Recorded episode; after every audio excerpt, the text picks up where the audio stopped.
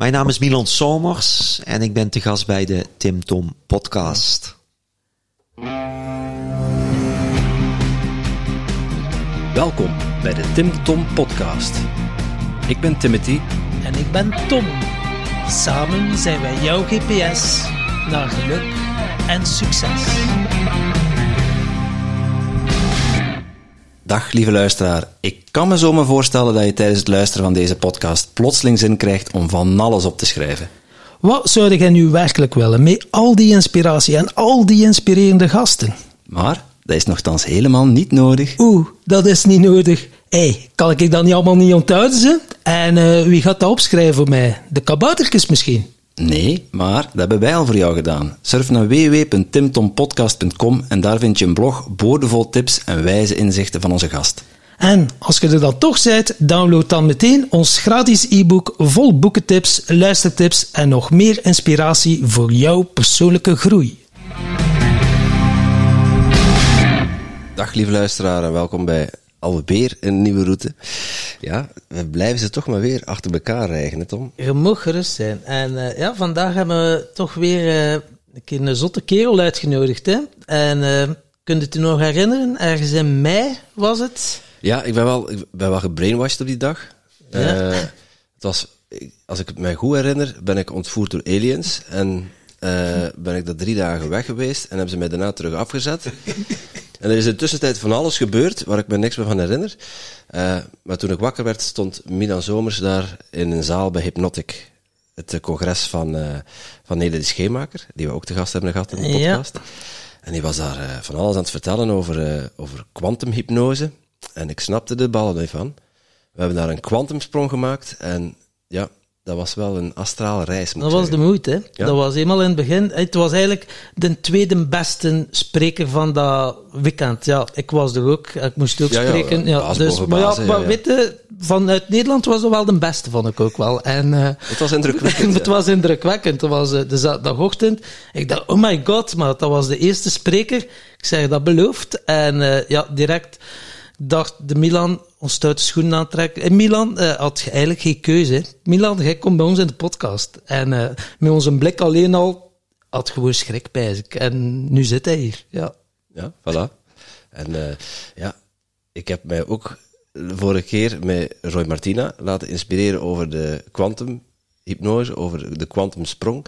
En Milan is ook protégé van, van Roy. Ja. Het is andersom. Ja. Ik denk dat het andersom is. Roy heeft uh, dus, en, Milan ingehuurd, ja, denk ik. Of ik, we zullen het dan vragen. Ik moet zeggen, we, we hebben 2,5 uur met Roy gepraat over, over, over de, de kwantumwereld. En ik snap er nog altijd niks van. Ik kwam met meer vragen thuis dan dat ik vertrokken ja, maar ben. dat heb je wel vaker, hè? Dat er niets niet ja, snapt. Kan ze, ja, okay. Ik krijg nu naar de kans om ze te stellen. Dag Milan. Goeiedag jongens, goeiedag. Ik zit hier met vol genot te kijken hoe jullie uh, de mooie introductie uh, doen. En uh, super leuk om in deze podcast aanwezig te mogen zijn. Dus, ja, dat valt nog af te wachten natuurlijk. Ja, dat valt nog af te wachten. Tot nu toe valt het mee. Als Roy alles over quantum heeft gezegd en het moeilijk maakt, moet ik het natuurlijk daar wat makkelijker ja. gaan maken. Dus nou, eens kijken of me dat gaat lukken. Ja, graag. Wat, wat ja, nu dat we dan toch bezig zijn over quantum, misschien even kaderen voor de mensen. Niet de, niet de winkel, hè? daar hebben we het niet over. Hè? Nee. nee. nee. We hebben uh, even.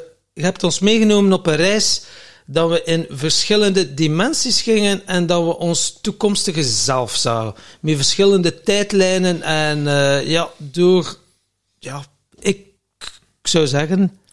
Brand maar los. Uh, leg het eens uit aan de mensen, want wat mensen zullen zeggen van, ja, wat ja. is daar gebeurd? Oké, okay, nou, laat, laat me je meenemen dan. Je moet, je moet je als eerste voorstellen is dat de realiteit waar waarin wij leven, is dat niet de waarheid is. Het is niet de werkelijkheid. Wij mensen hebben een beperking en dat is onze mind. Tegelijkertijd is onze mind juist de grootste bron van inspiratie om er iets mee te kunnen gaan doen. Dus wat doen we? We creëren een bepaalde perceptie. En die perceptie wordt gecreëerd door je ego. Oftewel, alles wat jij in je leven hebt meegemaakt, je conditioneringen, en daar zitten saboterende mechanismes in, en manieren, strategieën zoals jij ze gebruikt. En die helpen jou om door het leven heen uh, te gaan. Maar als je blijft doen wat je altijd gedaan hebt, blijf je krijgen wat je altijd gekregen hebt. Einstein. Hm. Je kunt niet verwachten als jij met onzekerheid door het leven gaat en je blijft onzeker gedrag vertonen, dat je opeens zelfvertrouwen in je leven hebt en, en dat je leven daar een expressie van is. Je zult iets moeten gaan veranderen. Dat betekent dat als ik blijf denken op dezelfde manier zoals ik altijd gedacht heb, blijf ik doen wat ik altijd gedaan heb, blijf ik krijgen wat ik altijd gekregen heb. En als ik blijf voelen zoals ik me altijd gevoeld heb, blijf ik denken zoals ik me altijd gedacht heb. En blijf ik creëren wat ik altijd gecreëerd heb. En dan komen we daarbij, als we het dan over, ook over kwantum hebben, alles is energie, alles is frequentie. En als jij jouw energie kunt verhogen, Waarbij je weet als je enthousiast bent, als je passie hebt, als je flow bent, dat je veel meer bergen werk kunt verzetten. Dat het makkelijk voor je is om uiteindelijk iets nieuws te gaan creëren. Dus wat doen we dan? Wij met kwantumhypnose, dan gaan we naar een versie van jezelf die ergens in het kwantumveld bestaat. Ik zal er misschien straks wat meer over te zeggen. Maar je maakt je een voorstelling, hoe wil je zijn? En in welke energie moet ik dan zijn? Hoe denkt die persoon? Hoe voelt die persoon zich? Waardoor die creëert wat hij uiteindelijk wil creëren. En wat doen we dan? We gaan naar een andere tijdslijn toe. Nou, even daarover op uh, aanhakend en onderbreek me al uh, als ik te veel de diepte inga. Ik wil eigenlijk al meteen al iets toevoegen. Ja. Wat, wat, wat me heel erg is bijgebleven, vond ik heel krachtig, is hoe je je keynote begon. Van, dames en heren, ik geloof absoluut niks van wat ik het volgende, volgende uur ga vertellen. Ja, ja. heel krachtig. Uh, dat geldt voor deze podcast ook, hè, denk ik. Dat geldt ook en mensen mogen zelf gaan ervaren. Maar wat ja. ik wel ook altijd aangeef, als jij op voorhand iets afschiet, ben ik het niet mee eens, bestaat niet, dat kan helemaal niet, dan ontneem je jezelf nieuwe ervaringen. Want wat doe je dan op basis van het verleden? Luister je naar de boodschap die verteld wordt. En wil jij nieuwe ervaringen gaan hebben, dan betekent het ook dat je een nieuw gebied mag gaan, gaan ervaren. En ik zeg dus altijd, geloof niks van wat ik zeg. Test het in de praktijk. Als dan blijkt, het werkt absoluut niet, gooi het overboord. Maar misschien, als je het gaat doen, ga je iets nieuws ervaren. En dan verrijk je je ervaringswereld. En dan heb je een rijker leven. En dan kun je uiteindelijk gaan creëren wat je wilt gaan creëren. En ga je uit je comfortzone daarbij. En voor veel mensen om zo te fantaseren, die zitten al met blokkades van hoe ziet er jouw ideale zelf uit? Pak. Je mind, oh, ik weet het niet. Ah ja, fantaseer. Uh, stel nu, je krijgt 200 miljoen euro hoe ziet er een dag uit? Maar de meerderheid van de mensen kunnen er niet op antwoorden. Die, hebben dus, die weten gewoon niet wat dan ze willen of wat dan ze leuk vinden om te doen. Wel, maar dat komt ook omdat wij in een maatschappij leven die zo geconditioneerd is en zo gedreven wordt op een kapitalistisch systeem, dat als jij naar het basisonderwijs gaat, waar jouw mind nog het meest ontvankelijk is voor ideeën, suggesties, eh, creaties, fantasieën, is wat we heel snel doen, is creativiteit bij kinderen eruit halen en ze in een stramien neerzetten. Zo is het, zo hoort de wereld te zijn en je wordt voorbereid om later in een kapitalistisch systeem te gaan werken daarbij. Dus mensen hebben dat vermogen verloren om uiteindelijk die connectie met zichzelf te maken. En ze worden meer geprogrammeerd in wie ze moeten zijn, in plaats van op zoek gaan naar maar wie ben ik nu eigenlijk en wat wil ik in de wereld neer gaan zetten. En daarom hebben we zoveel ziektebeelden momenteel met burn-out. In Nederland in ieder geval 1,1 miljoen mensen met burn-out, uh, depressie, uh, stressgerelateerde klachten, ziekteklachten die eruit voortkomen. Allemaal omdat ze in een box zitten waar ze niet in willen zitten en geen connectie hebben met zichzelf. Dus dat is een hele lastige vraag. Want als je die vraag stelt, dan komt er heel snel, heel vaak een carrièreperspectief uit over wat ik professioneel moet gaan doen. Dat is helemaal niet waar het over gaat. De belangrijkste vraag is, hoe wil jij s'morgens opstaan? En wil je, ik zeg altijd, wil je s'morgens in angst opstaan of wil je in liefde opstaan? Wil je energieloos opstaan of wil je vol passie en energie uh, opstaan? En dat zijn graadmeters of jij bezig bent om jezelf te ontdekken en dat in de wereld neer te gaan zetten. Hmm. Ja, ja, kan je beloven als... Uh, ik heb een kleintje van 16 maanden, die ja. af en toe wakker wordt s'nachts. er zit niet heel veel energie in mij s'morgens als ik opsta. Terwijl ik wel heel veel zin had in vandaag. Ja. ja. Ja. Dat ik voel, dit is, dit is wat ik moet doen, wat ik te doen heb. Maar ja. dat is het. En die, die drive, dat is een onuitputtelijke energiedrive.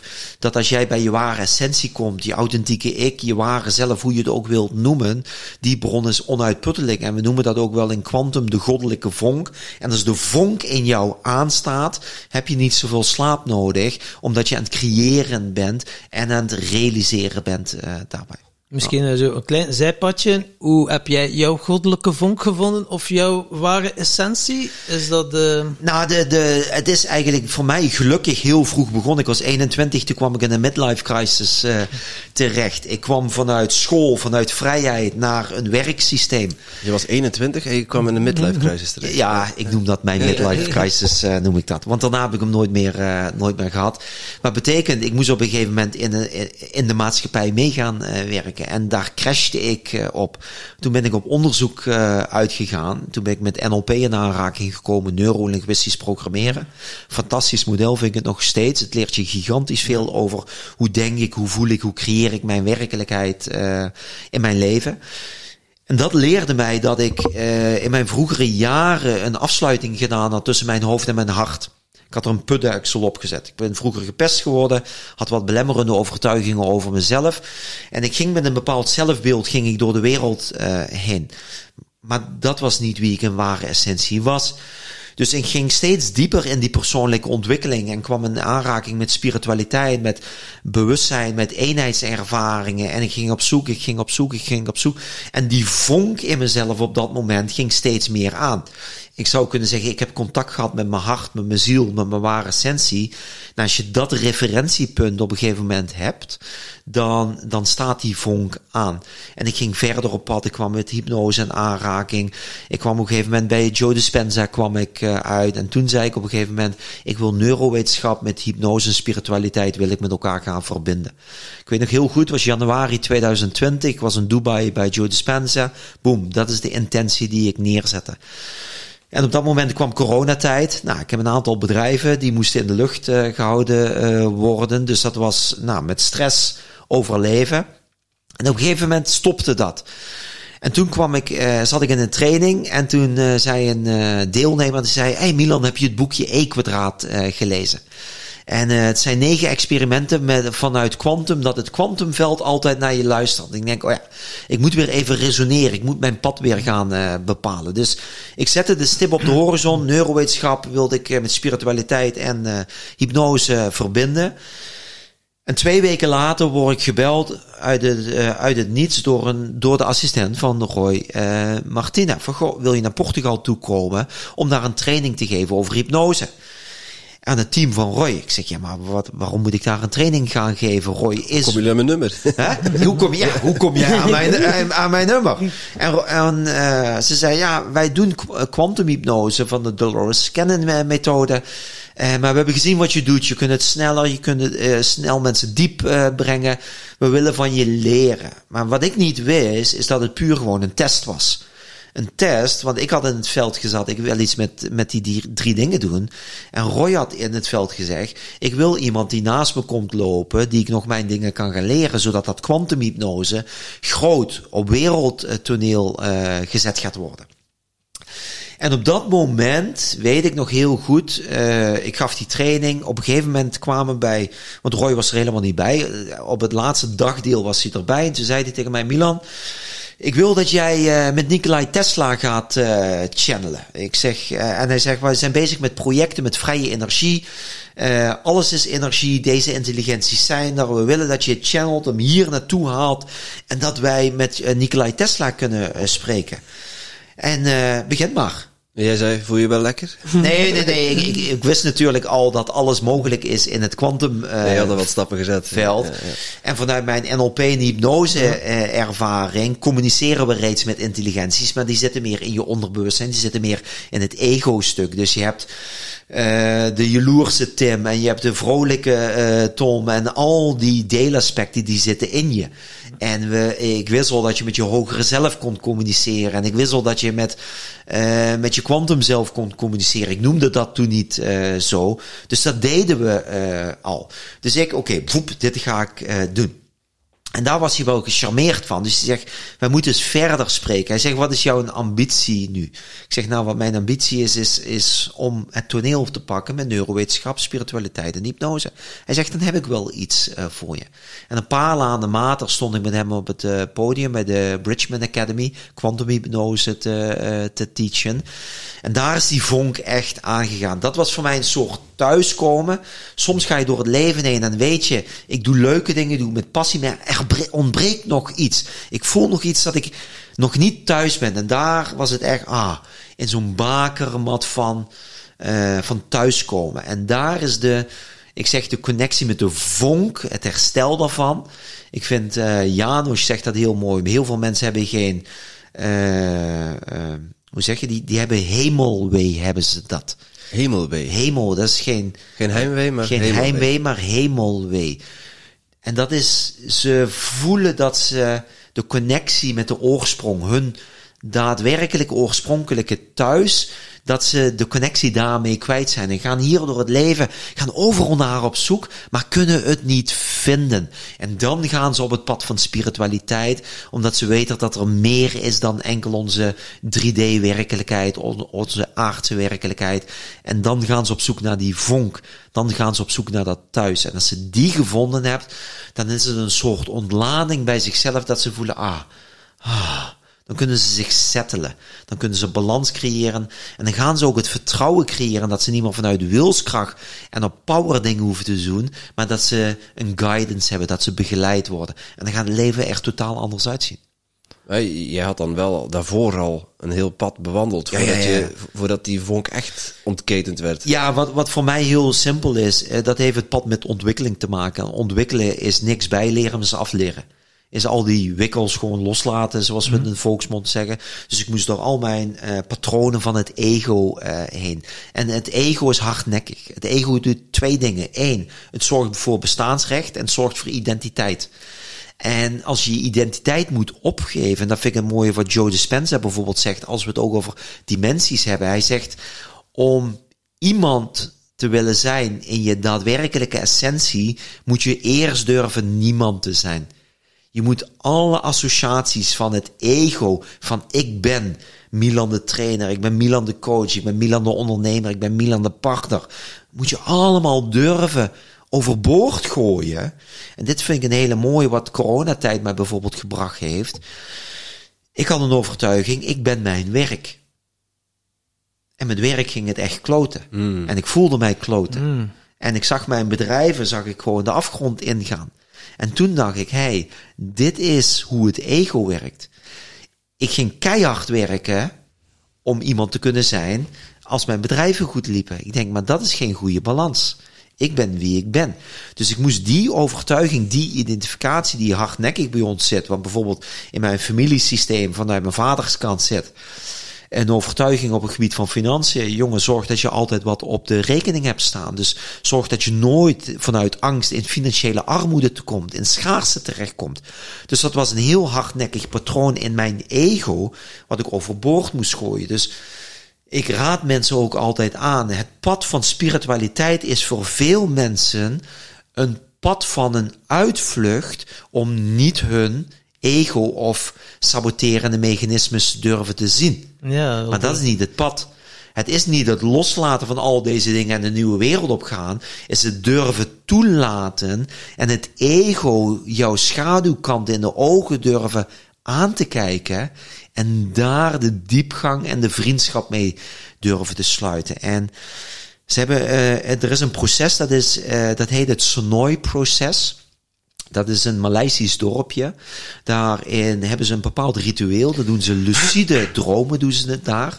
Dus in de droom ben je waakzaam dat je in je droom aanwezig bent. En dan roepen ze je allergrootste angst op. Maar niet om je in de pijn te brengen. Ze roepen die angst op om je in die ogen die angst aan te kunnen kijken. En dan je te laten ervaren dat je blijkbaar krachtig genoeg bent om die angst te kunnen dragen. En dat vind ik het allermooiste woord wat er bestaat in ons leven. Dat is volledigheid. Volledigheid. Volle, de ledige kant, licht en schaduw, dood en uh, leven, liefde en angst in het yin-yang teken. Vol Ledig. En Ja, dat brengt de volwaardigheid. Dus het is niet weglopen van de schaduwkant. Het is toenadering zoeken tot die schaduwkant met de kracht die je hebt. Want dan draag je de verantwoordelijkheid. En wat veel mensen helaas niet geleerd hebben in het leven is de verantwoordelijkheid te durven dragen. En daardoor gaan ze een pilletje zoeken, gaan ze naar de psycholoog, de, de coach, de spirituele ontwikkeling. Dat is niet waarom je dat doet. Het gaat juist over dat ontwikkelen om bij die kern, bij je essentie. Want dat is jouw grootste kracht. Dat is jouw potentieel. Dat is je vuur, dat is je passie, dat is je energie. energie. En als je daarmee, met die essentie in contact, boem, alles is in één keer aan. En alles vervalt ook. En er is geen probleem meer, er is ook geen uitdaging meer. Ik vind dat een heel cognitief proces. Je moet het niet als een probleem zien, maar als een uitdaging. Het is zoals het is. En ik draag dat, boem, omdat ik ben wie ik ben. En wat de wereld daar ook van vindt. Ja. is who I am.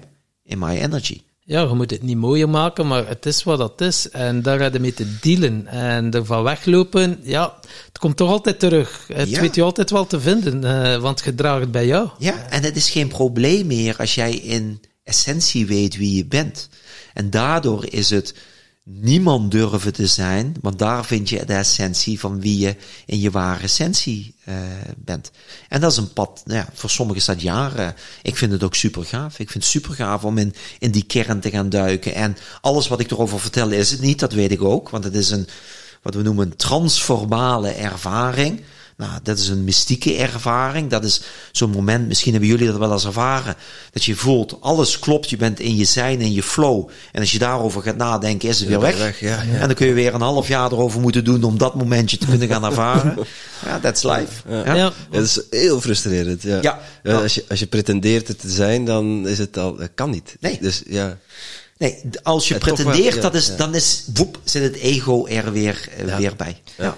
Het, het ego aan durven kijken, maar ik wil je niet zeggen, het ego elimineren. Nee, nee, nee, nee, nee. Dat is, dat is, Dus het is, het is wel degelijk aanwezig. Hè? Dus Ja. jouw rol als partner of als eh, bedrijfsleider, die, die is er nog steeds. Alleen, en die angst die is er ook. Ja. Alleen, je, je wilt er niet meer van wegvluchten, je wilt het niet verdoven. Ja. Eh, Je durft het aan te kijken, je durft ermee te zijn. ja. En het- er is één centrale regel. Angst is het ontbreken van liefde. Punt. En zodra je dat begint te begrijpen en je gaat liefde inbrengen, hoef je, ben je ook niet meer bang voor de angst. En ik vind het mooi, want heel veel mensen willen, maar ik wil dit stuk niet meer. Ik wil dit deel van mijn leven. Ik wil niet meer die relatie. Maar Je hebt Eh, niks te willen. hè? je hebt niks te willen. Nee, je hebt niks te willen, maar het gaat erover. En dat schrijf, beschrijf ik in mijn eerste boek, Regisseer je eigen leven. Daar bes- beschrijf ik vier stappen. Eh, en de tweede stap is, is acceptatie. Accepteren zoals het is. Ik ben ooit bij een eh, workshop van Wim Hof geweest. Ademhalingstechniek, kennen jullie denk ik eh, wel. En de instructeur die zei, het gaat niet over de ademhalingstechniek. Het gaat erover als jij in dat bad zit, wat dan gebeurt. Hij zegt, Milan, als je in dat bad gaat zitten, gaan een aantal dingen gebeuren. Je gaat pijn eh lijden. Je lichaam gaat zich ver- verzetten. Die gaat dit doen. Je gaat het vervloeken. En je wilt winnen van de pijn, van de kou. Gaat je nooit lukken. Hij zegt, als jij in het reinen komt met dat het pijn is, dat het koud is en dat het je niet gaat lukken om te winnen. En je accepteert dat in een shift, dan kun je gaan focussen op je ademhaling. Want dan heeft je ademhaling pas, eh, dan wordt het pas dienstbaar. Dus vanuit acceptatie komen jouw hulpbron of jouw kwaliteiten komen pas vrij. Maar als je gaat vechten met je hulpbronnen tegen datgene wat er is, zul je het altijd verliezen. Nou, dat is wel een. Dus het gaat niet over het vechten, het gaat over in liefde, in liefde komen met jou, eh, met je ego. En ik noem dat dan, want ik werk veel met hypnose, is je onderbewustzijn je allergrootste vriend of vriendin zien. En als je die pacht, die samenwerking kunt krijgen, ja, dan krijg je een fantastisch leven.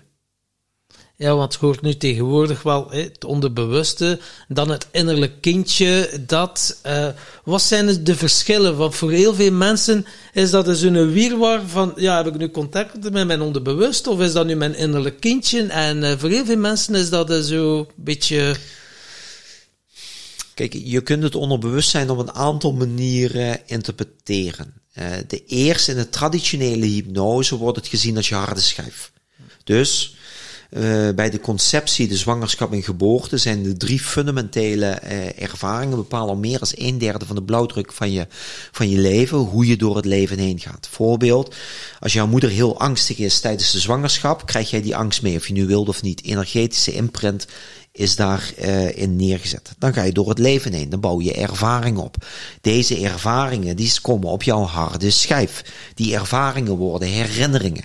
Rondom die herinneringen zitten al je keuzemomenten, dan ontwikkel je gedragspatronen, je emotionele wereld er is eraan gekoppeld, je identiteit is eraan gekoppeld en datgene wat je gaat geloven over jezelf, over de wereld en wat je belangrijk vindt. En zo ga je door het leven. Dus het is een computer, de allerslimste computer, die voor 95% bepaalt hoe je denkt, hoe je je voelt en uiteindelijk dus hoe jouw perceptie op de wereld is en hoe je dus gedraagt in die wereld. Het gaat over de relatie daarbij. Ik zie het onderbewustzijn als veel meer dan dat. Ik zie het als een intelligentie, als een moreel wezen wat niks anders wil dan het allerbeste voor jou.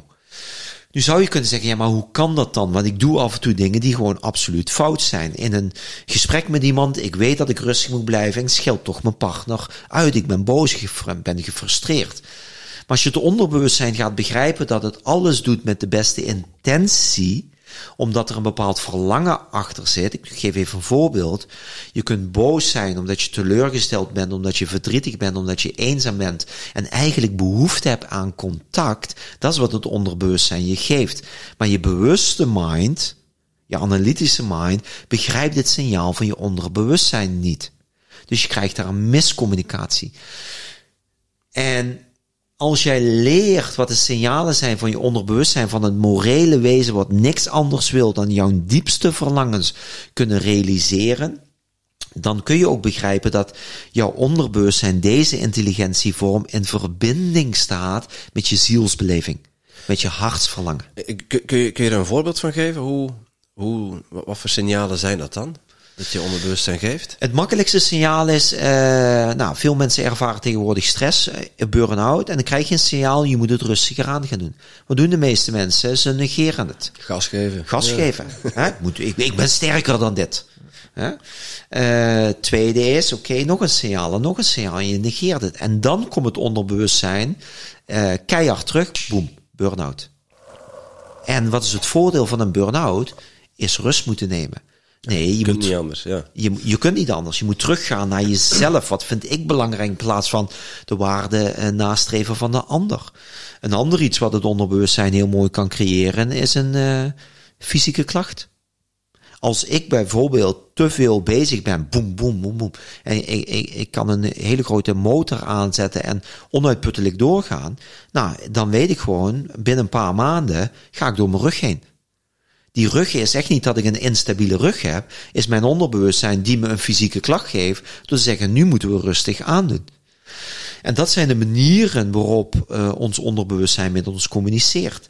En wat doen wij vaak? We onderdrukken onze emotionele basis, want dat is een van de manieren waarop ons onderbewustzijn met ons communiceert.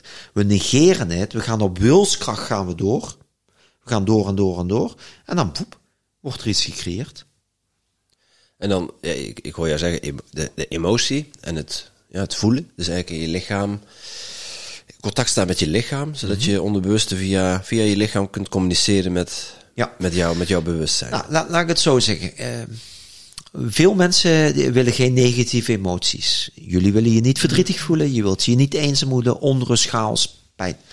Maar wij, er bestaan geen negatieve emoties in het onderbewustzijn. Een emotie is een signaalfunctie. Ik zal je een voorbeeld geven. Pak eens een voorbeeld. Een van jullie twee maakt niks uit. Heb jij een, een, gesprek met iemand wel eens gehad waarin je gefrustreerd was, waarin je boos was, geïrriteerd? Mm -hmm. Ja? Oké. Okay. Nu, wat heeft deze persoon bij jou overtreden wat jij belangrijk vindt in communicatie of in je leven? Noem eens wat. Uh, ja, goede vraag. Ja, ik vind het een mooi voorbeeld. Ja? Uh, ja. Uh, ons, uh, ons festival, de voorbereiding van ons festival, daar komt af en toe wel eens een frustratietje naar boven. Ja. ja. ja. En waar gaat het dan over? Gaat het over respect, openheid, loyaliteit, eerlijkheid, vrijheid? Uh, waar gaat dat dan over? Wat is, waar, waar duwt het op?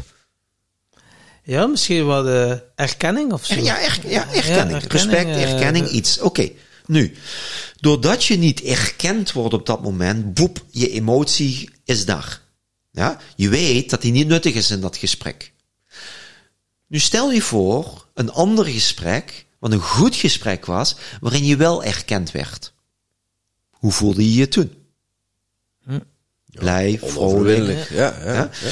Dus die emotie is het signaalfunctie van iets wat belangrijk is in je onderbewustzijn, wat overtreden wordt of gerealiseerd wordt. Dus onze emoties zijn de emotionele boodschappers van het onderbewustzijn.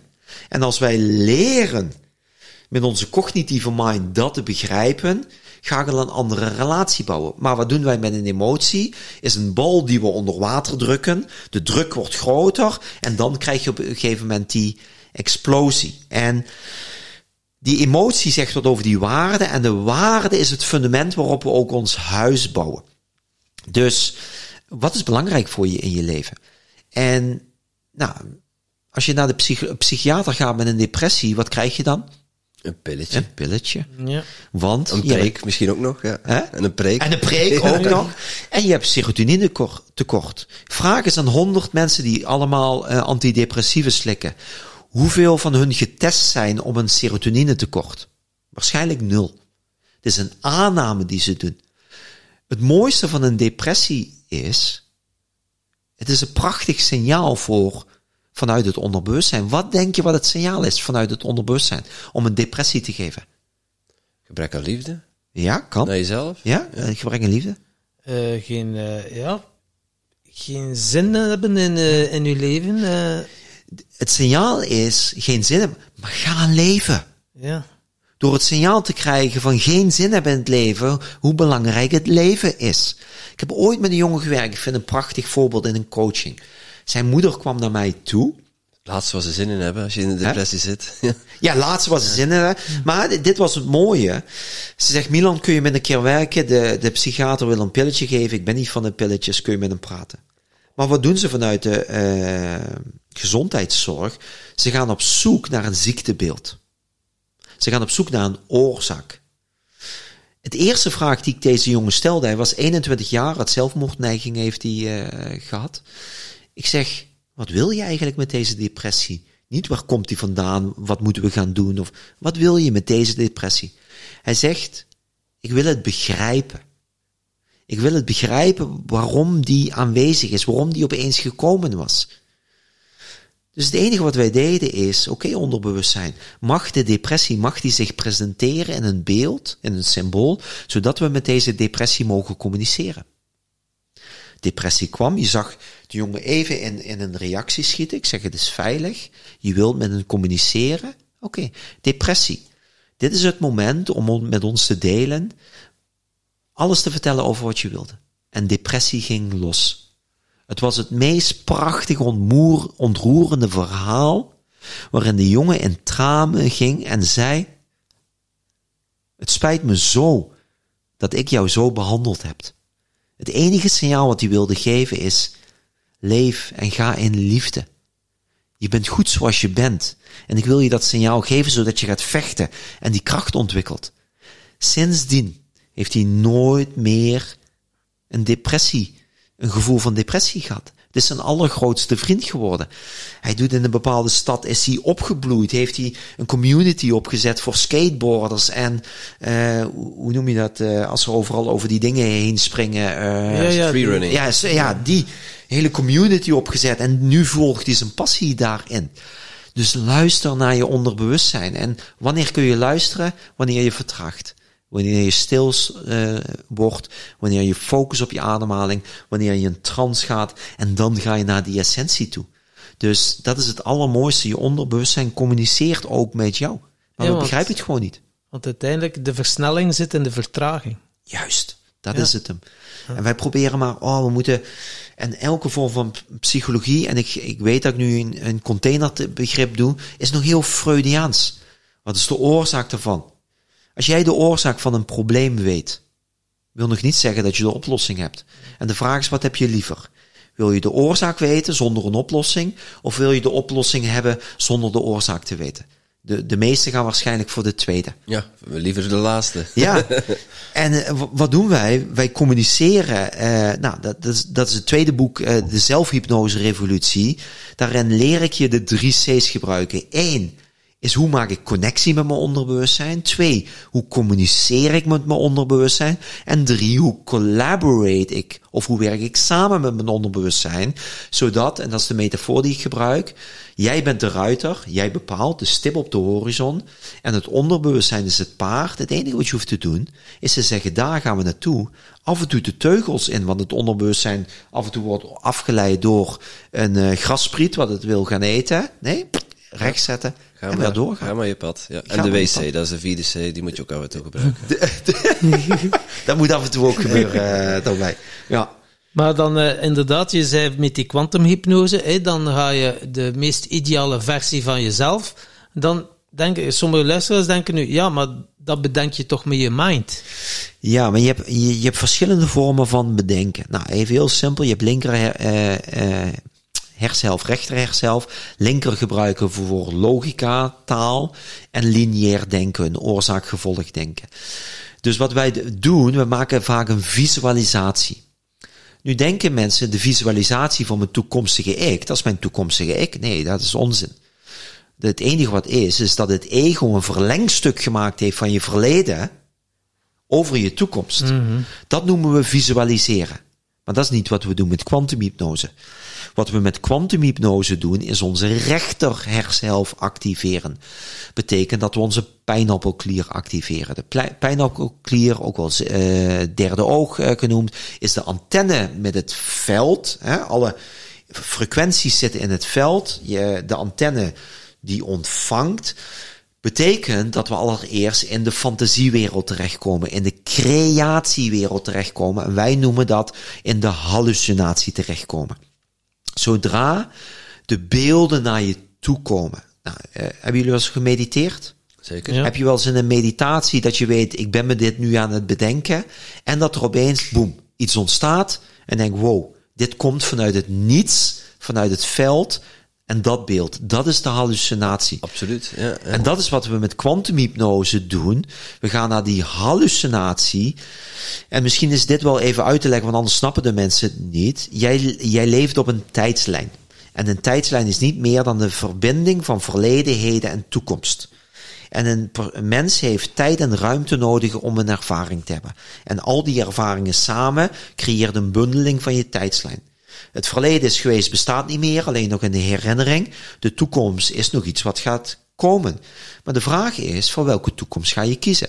Ik kan nu een keuze maken, ga ik niet doen, om afscheid te nemen van mijn vrouw, van mijn kinderen, en een andere tijdslijn te kiezen, een andere toekomst te gaan kiezen. Moet ik drastisch veel dingen voor gaan doen. Dat kan ik niet doen vanuit alles wat ik momenteel gecreëerd heb en de keuzes die ik altijd gemaakt heb. Ik moet echt drastische andere keuzes gaan maken. Betekent dat ik in een andere emotie moet gaan zitten, betekent dat ik in een andere frequentie moet gaan zitten. Maar al die versies, al die mogelijkheden van de tijdslijnen, zie je het als een karspoor of een uh, um, treinspoor, die bestaan allemaal tegelijkertijd.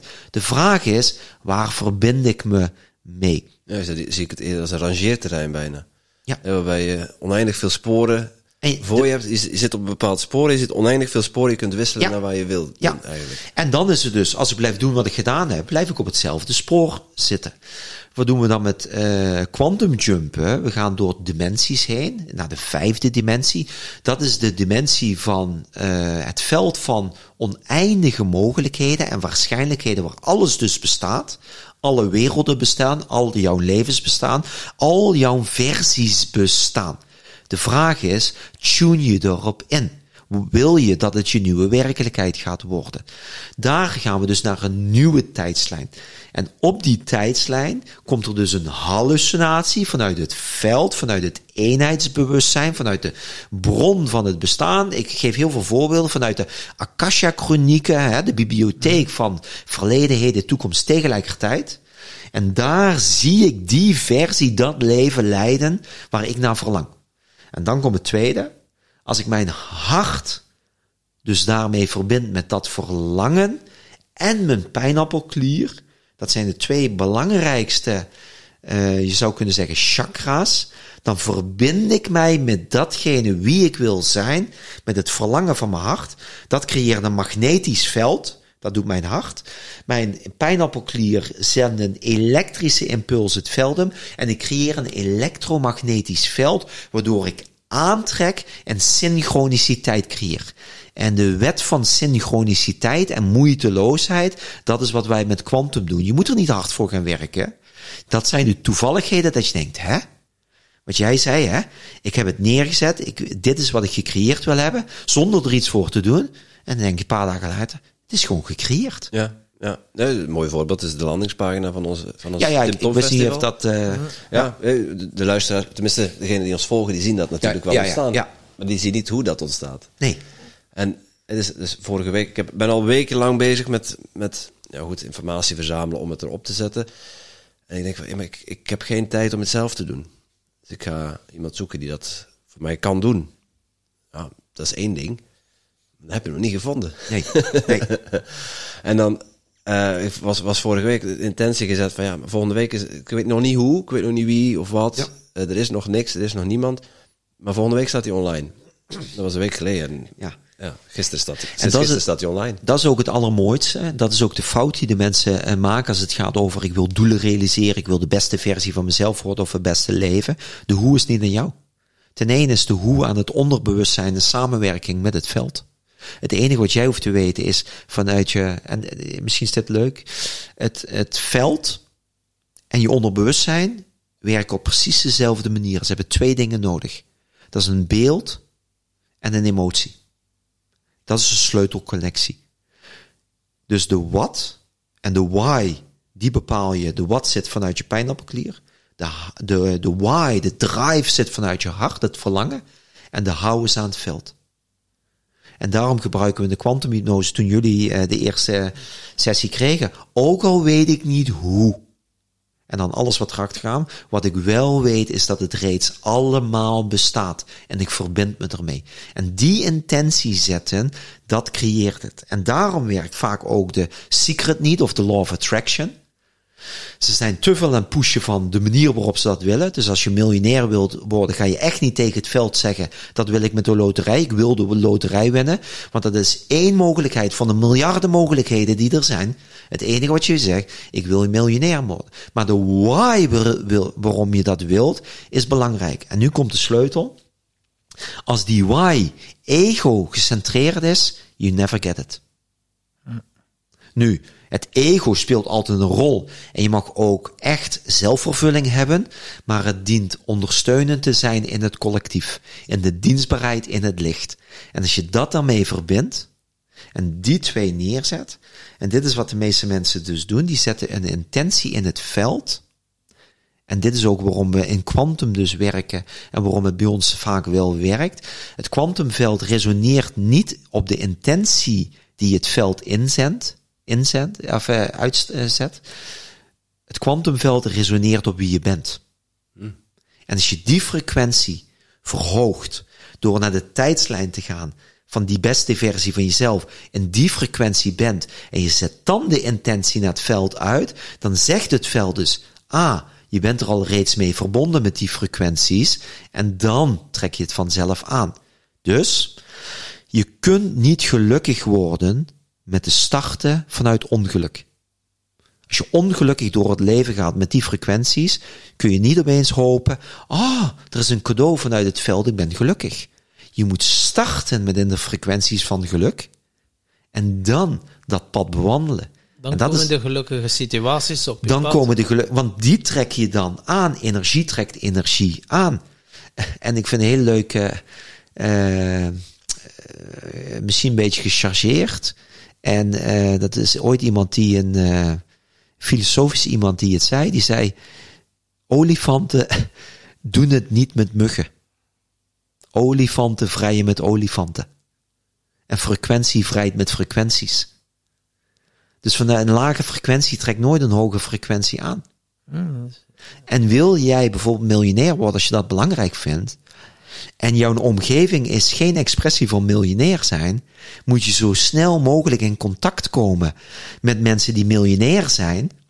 Want als jij tegen je vrienden gaat zeggen, ik ga miljonair worden binnen een maand, lachen ze je uit. De miljonair zal zeggen, interessant, hoe ga je dat realiseren? Omdat hij of zij daar al is, die zit al in die wetmatigheid, die trekt dat al aan. Dus zodra jij in het nu, en dat kan, direct in dat geluk stapt en daarin blijft, dan ontvouwt het veld zich daar vanzelf in. En daarom, Je en dat, eerst van een mug een olifant maken en dan... juist, Ja.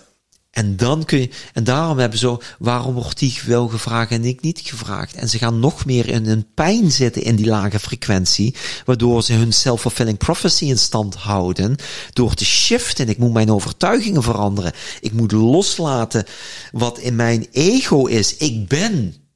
Nee, want het, Verkeerde olifant gecreëerd. Ja, ja, ja, ja. ik ben wat het leven mij biedt. Wil je weten wie je bent en hoe, hoe je- het ego jou gedefinieerd heeft, is kijken naar je leven.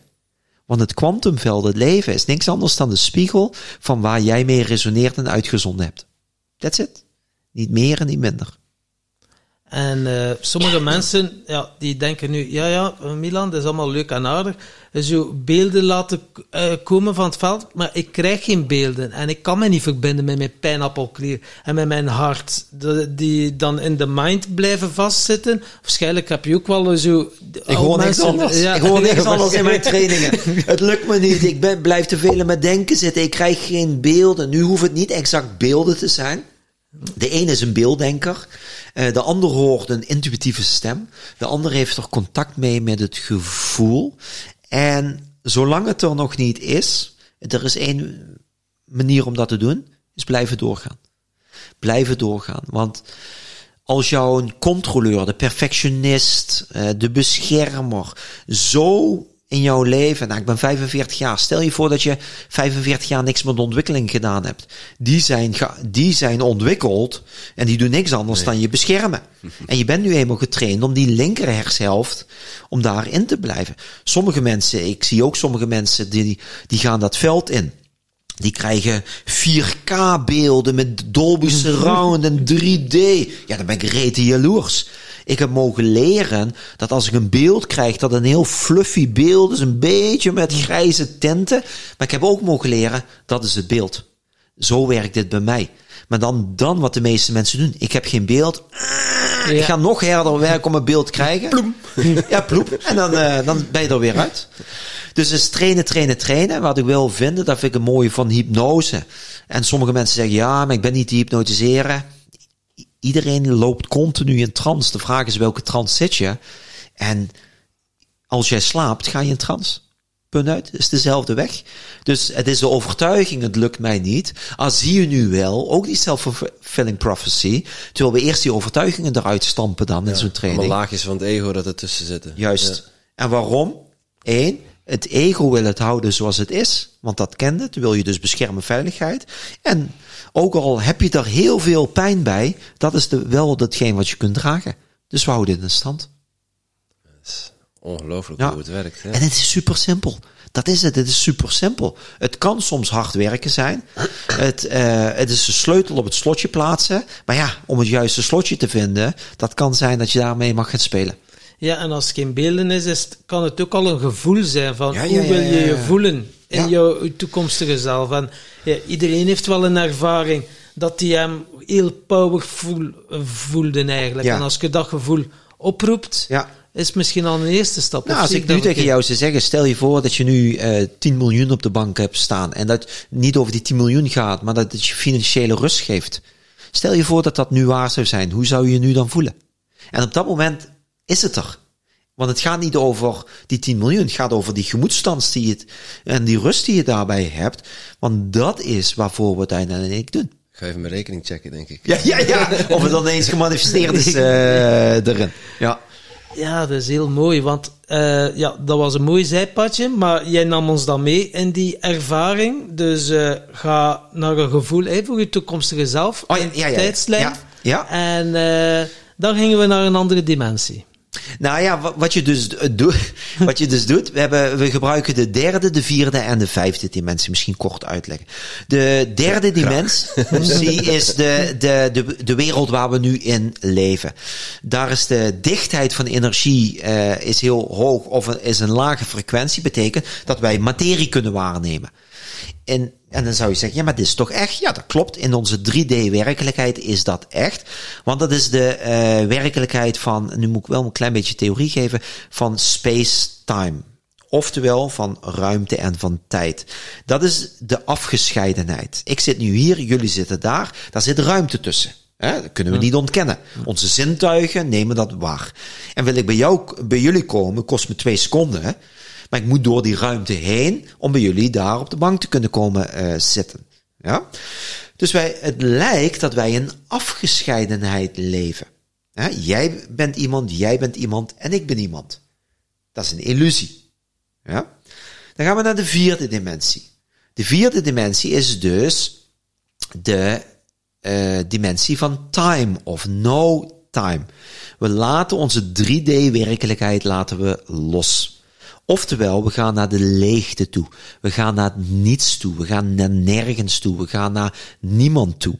Nogmaals, derde dimensie, je denkt dat je iemand bent. Vierde dimensie, we moeten voorbij het ego, dat is wat we dan doen. En dan kom je in de leegte terecht, want er is niks meer over. En dan zeggen we tegen ons onderbewustzijn, oké, ik wil nu dat je naar die tijdslijn gaat. Gaan we naar de vijfde dimensie, waar al die tijdslijnen zijn. Dat is time-space. In het nu is alles aanwezig. Is oneindigheid van ruimte. Bestaat alles. Is eenheidsbewustwording. Is een zijnstoestand. Ik geef even verschillende bewoordingen. Is de bron. Is alles is de creatie vanuit het niets. En vanuit daar kun je dus creëren. Daar zitten de frequenties. Dan hebben we het over het kwantumveld. En denken we over het kwantumveld, denken we in vibraties. Dus trillingsniveau. Denken we in liefde, denken we in licht, denken we in dankbaarheid, in puurheid, in schoonheid, in vrede met een hoofdelijk, gelukzaligheid. Allemaal die momenten, dat is wanneer je in connectie met dat veld bent. Nou, dan zeggen we tegen bijvoorbeeld, even om een metafoor te geven, je drijft op een wolk door de ledigheid heen en je gaat naar die tijdslijn toe. En op een gegeven moment zie je dan een tijdslijn. Daar is een andere tijdslijn van verleden, heden en toekomst. En daar zie je die beste versie van jezelf. Stel je voor dat dat de versie is die volledig gelukkig is, of spiritueel is, of innerlijke rust ervaart, succesvol is, in overvloed leeft, whatever je wilt. En die zie je daar. Die zie je daar omdat hij of zij meesterschap bereikt heeft over die skill, die kwaliteit, die vaardigheid. En hoe is dat leven dan op dat moment? En op dat moment krijg je eerst wat we noemen de observatiefase. Je ziet gewoon hoe dat leven eruit ziet. Dus wat doet je hart al? Dat verlangen connect zich al met die nieuwe tijdslijn. Tweede, we duiken in die tijdslijn en we gaan onze kwantum zelf ontmoeten. De beste versie. Het is als een spirituele mentor die het pad al bewandeld heeft en jou tips kan geven, adviezen kan geven. En wat de meeste mensen ervaren, en dat, dit is ook waarom het werkt, in de kwantumwereld hebben we iets wat we noemen kwantumverstrengeling. En kwantumverstrengeling is als je twee atomen afschiet, een andere richting op, nou noem het even 100 kilometer die kant, 100 kilometer die kant, en je kietelt één foton, één lichteenheid, exact op hetzelfde uh, moment, gebeurt bij de andere foton hetzelfde. Dus die zijn niet door tijd met elkaar verbonden, die zijn door de eeuwigheid met elkaar verbonden. Als deze rood wordt, wordt die ook rood. Als deze groen wordt, wordt die ook goed. Dus betekent dat als wij die connectie maken, jij bent een foton, je kwantum zelf is een foton. Als je kwantum zelf iets doet, per direct, als die verbinding daar weer hersteld wordt, exact gebeurt het bij jou. Dus het enige wat wij doen is die verbinding herstellen, alle ruis weghalen, zodat deze kwantum zelf jouw spirituele mentor kan zijn. Maar dan moet je eerst door de vierde dimensie en dan de vijfde dimensie. Vijfde dimensie Dan, wordt dan alle trillingen, vibraties of het veld van Ja. de pure potentialiteit. Of, eh, Dat wordt maar? benut. En jouw kwantum zelf heeft een bepaald vibratieniveau, een bepaald trillingsniveau. En mijn krachtige zelf is een andere dan mijn liefdevolle zelf. Je voelt dat kracht en liefde een ander gevoel of een frequentie hebben. Dus in het veld ook een andere frequentie. Dus, eh, en dan de volgende fase, je hebt ermee gecommuniceerd. En dan ga je samensmelten, word je één met die kwantum zelf. En dan ga je voelen, wat is zijn state of being? Wat is zijn state of mind? Hoe denkt hij? Hoe voelt hij? En Hoe zijn de chakra's gebalanceerd? Eh, hoe voelen de cellen aan op trillingsniveau? En dat nemen we allemaal mee terug naar onder onze eigen tijdslijn. En dan moet je het zo zien. Ik zie dat mooi, het eh, prachtigste voorbeeld. Je hebt een soldaat die zit in een oorlogsgebied. Die wordt op afstand eh, wordt die begeleid door de satellieten die er zijn. En dat is wat de kwantum zelf doet. Die gebruikt de satelliet en die geeft je advies in oorlogsgebied wat er moet gebeuren. De soldaat ziet dat niet vanuit de helikopterview. De soldaat ziet alleen maar wat er voor zich ziet, maar de soldaat ziet wel wat er hier gebeurt. En wat daar moet gebeuren voor de volgende stap. En die verbinding, die herstellen we dan. Waardoor je de connectie hebt met je kwantum zelf. En vanuit die frequenties neer kunt zetten. En je hoeft het niet te geloven zoals wat we zeiden. Maar sinds ik dit ben gaan gebruiken, denk ik, ja jongens, kan het zo snel? Kan het zo moeiteloos? Kan het zo eenvoudig? En dat is wat mijn onvoorwaardelijke geloof, dat als mensen leren met verschillende intelligentievormen te communiceren, één intelligentie in het 3D-veld, dat is je onderbewustzijn. De intelligentie in het 4D-veld, dat is ook waar je ziel zit. Je ziel is bevroren in tijd en communiceert met de vijfde en de derde dimensie. En zit in die tussenlaag daarbij. En in de vijfde dimensie zitten één, al je kwantumzelven, maar ook alles wat we noemen met Nikolai Tesla, alle energetische frequenties van andere mensen of dimensies. Nou, daar hebben jullie waarschijnlijk met Roy heel veel over Ja. mogen spreken. Ja. ja. ja. Zeker. En eh, dan eh, vertelde je ook, of ik weet niet, je kan ook je verleden veranderen. Ja. En eh, ja, nu luisteraars of andere mensen, verleden veranderen, hetgeen dat gebeurd is, is toch gebeurd. Als er iemand is verkracht, je kunt dat toch niet wegdoen, dat dat dan ineens niet meer is gebeurd. Ja. Dat de, Nou, laat ik het zo zeggen. Alles bestaat tegelijkertijd. Dus het betekent ook dat het verleden nu aanwezig is. Als we even gewoon even naar deze werkelijkheid kijken, de 3D-wereld, dan zou je kunnen zeggen, ik haal een herinnering op. Maar een herinnering is altijd een troebel iets. Wat betekent dat? De herinnering is niet de ervaring. Als jullie twee op vakantie gaan en een half jaar later vertel je over die vakantie, vertel je allebei een ander verhaal. De ervaring was hetzelfde, maar de herinnering is anders geweest. Betekent dat jij een andere betekenis eraan geeft, dat je er een ander label op plakt, dat je een andere bril kijkt waarmee je dan naar kijkt. Dus het gaat niet over de ervaring zelf, het gaat over het verhaal wat jij vertelt over die ervaring. Nou, ga ik even terug naar mijn pestverhaal. Ik ben vroeger gepest. Eh, ik heb daar reg- regressie op eh, gepleegd. Terug in een tijd om die ervaring te veranderen. En met hypnose ook. Met, met hypnose. En ik ga terug daar naartoe. En wat ik daar, eh, wat ik daar zie wat ik daar verander is. Nou, ik had, een, ik had eerst een verhaal, maar ik kan er toch niks aan doen dat ik gepest ben. En daardoor voel ik me verdrietig, eenzaam. Ben ik introvert eh, en heb ik weinig vrienden. Daarom trek Maar daar kan ik toch niks aan doen. Ik ga mijn schuld blijven zitten. Dat is één verhaal. En daarom ben ik nu wie ik ben. Het verhaal wat ik mij vertel over mijn verleden is. Ja, maar wacht even. Ik heb dat meegemaakt. Ik moest dat meemaken. Want toen was ik 21, toen crashte ik. Toen ben ik op zoek gegaan naar mezelf. Toen ben ik een instituut gestart. En dat instituut, of toen ben ik op ontwikkeling en ben ik trainer geworden. En ik voelde op een gegeven moment dat ik iets te brengen had aan de wereld. En ik ben dat gaan brengen. En ik sta nu voor groepen, ik coach, ik heb online programma's. Ik heb het juist moeten meemaken om dit nu te kunnen gaan doen. Het is dezelfde ervaring, maar een andere verhaal, een andere betekenis. Dus het gaat nooit over de ervaring die veranderd hoeft te worden, maar de perceptie over die ervaring. En dat kun je het verhaal wat je er zelf aan het verhaal wat je er zelf over maakt. En als je dat verandert, in een instant veranderen je herinneringen. Verandert de, de druk of de verantwoordelijkheid die daarbij zit. En mensen voelen zich lichter. Dus je zou kunnen zeggen, ik verander niet de ervaring zelf. Ik ga van verkrachting opeens naar niet-verkrachting. Dat kan, want ik gebruik in hypnose ook technieken. Waarbij ik uh, uh, tegen het onderbewustzijn zeg, bijvoorbeeld dat gebruiken we veel als mensen een fysiek trauma hebben. Uh, bijvoorbeeld topsporters die sneller moeten herstellen. Uh, en er is een sliding op de enkel geweest. En dat fysieke trauma zit daar, maar er zit ook het beeld van het trauma. Nou, dan zorgen we tegen het onderbewustzijn, oké, zorg dat je snel heelt. Maar dan zeggen we tegen het onderbewustzijn, is het oké om een ander beeld van deze ervaring op de tijdslijn te zetten, in het onderbewustzijn te installeren? En dat is dan, wat had ook kunnen gebeuren, maar is niet gebeurd. Dat het een tackle net hebt ontweken, ja. bijvoorbeeld. Ja. Dan weten we dat die tackle, die blijft in het onderbewustzijn zitten.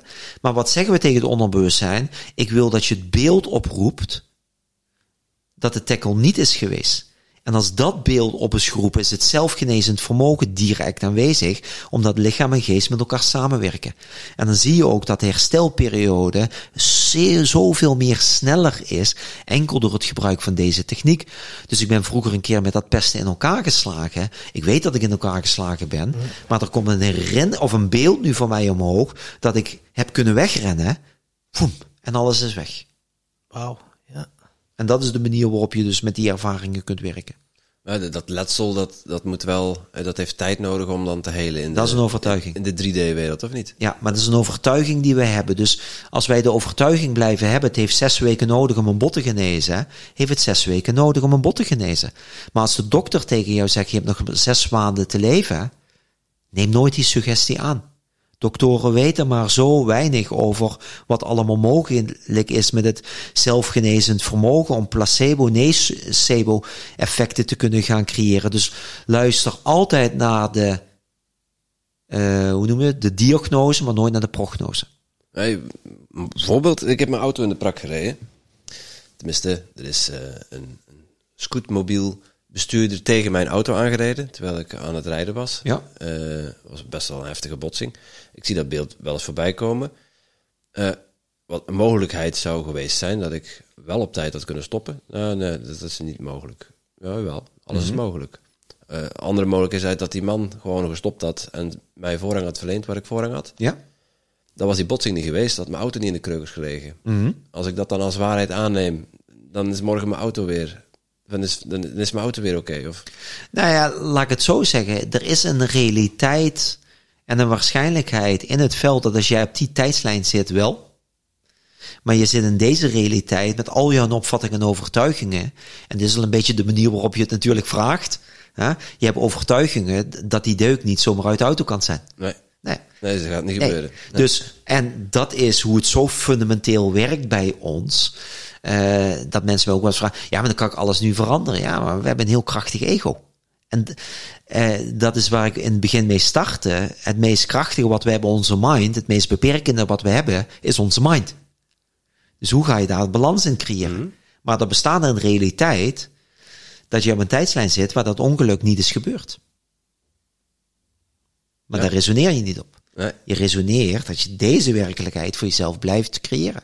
En mijn ego die stelt er allerlei vragen over. Ik weet dat, dat, dat, het, dat het daar eh, niet dienend is.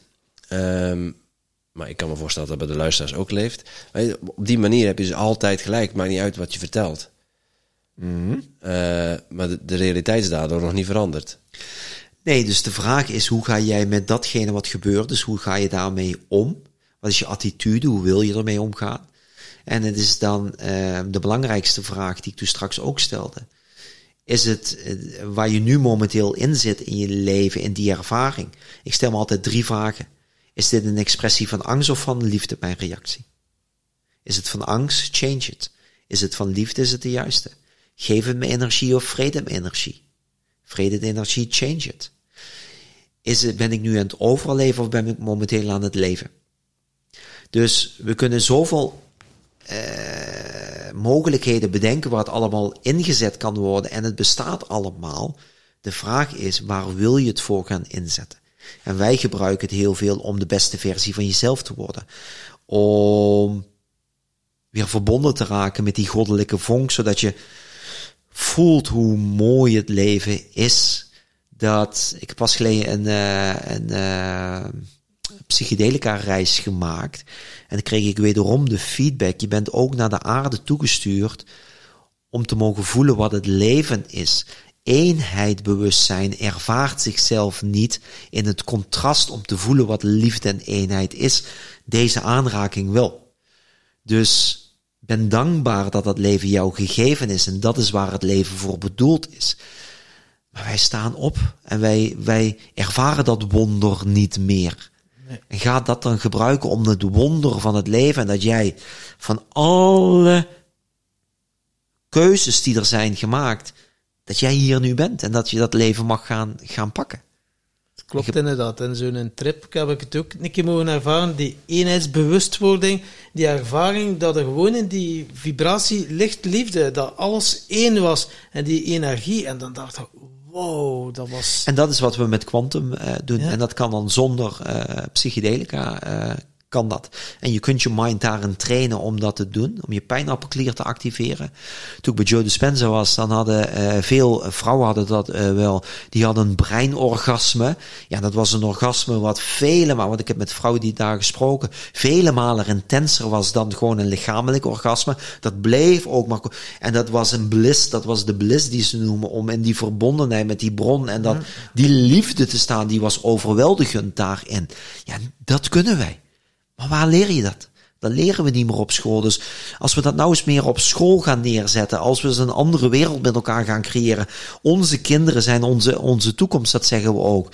Maar laten we dan ook starten met echt iets anders leren. Als ik nu al zie, mijn dochter heeft net uh, uh, één CITO-toetsen gehad, de andere dochter proefwerkweek, hoe gestrest die daarvan zijn. En ik denk, kom op jongens, waar zijn we mee bezig? Dat is niet waar het leven voor bedoeld is. Nee, je gaat gewoon naar een andere tijdlijn. Je hebt dus je toets al gehaald. Dat sowieso. Dat sowieso. Dus ik leer mijn kinderen ook om daar op een andere manier mee om te gaan. Maar waar zij mee te maken hebben, is dat ze vaak nog niet zo krachtig genoeg zijn om tegen het systeem. Ja, je zit ook krachtig. Dus, dus, je wordt erin geduwd, hè? Ja, Juist. Met, met een brutal force. Ja. Ik weet dat heel veel leraren en leraressen, als ze dit nu horen, dat ze zeggen: ja, dat wil ik. Maar ze zitten gevangen in het systeem. En het systeem is het systeem. Ja. Dus.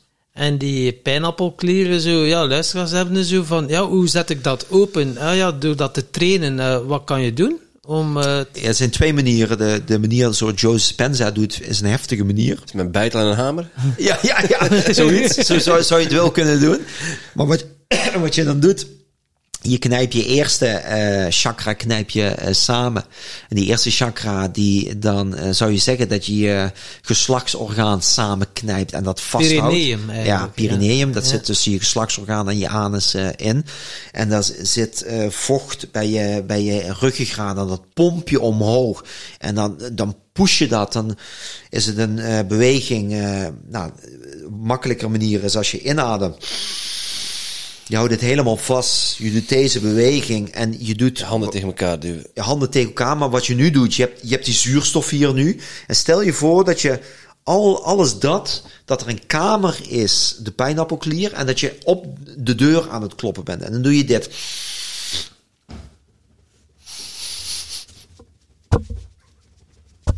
En als je dan loslaat, voel je direct waarschijnlijk tentelingen.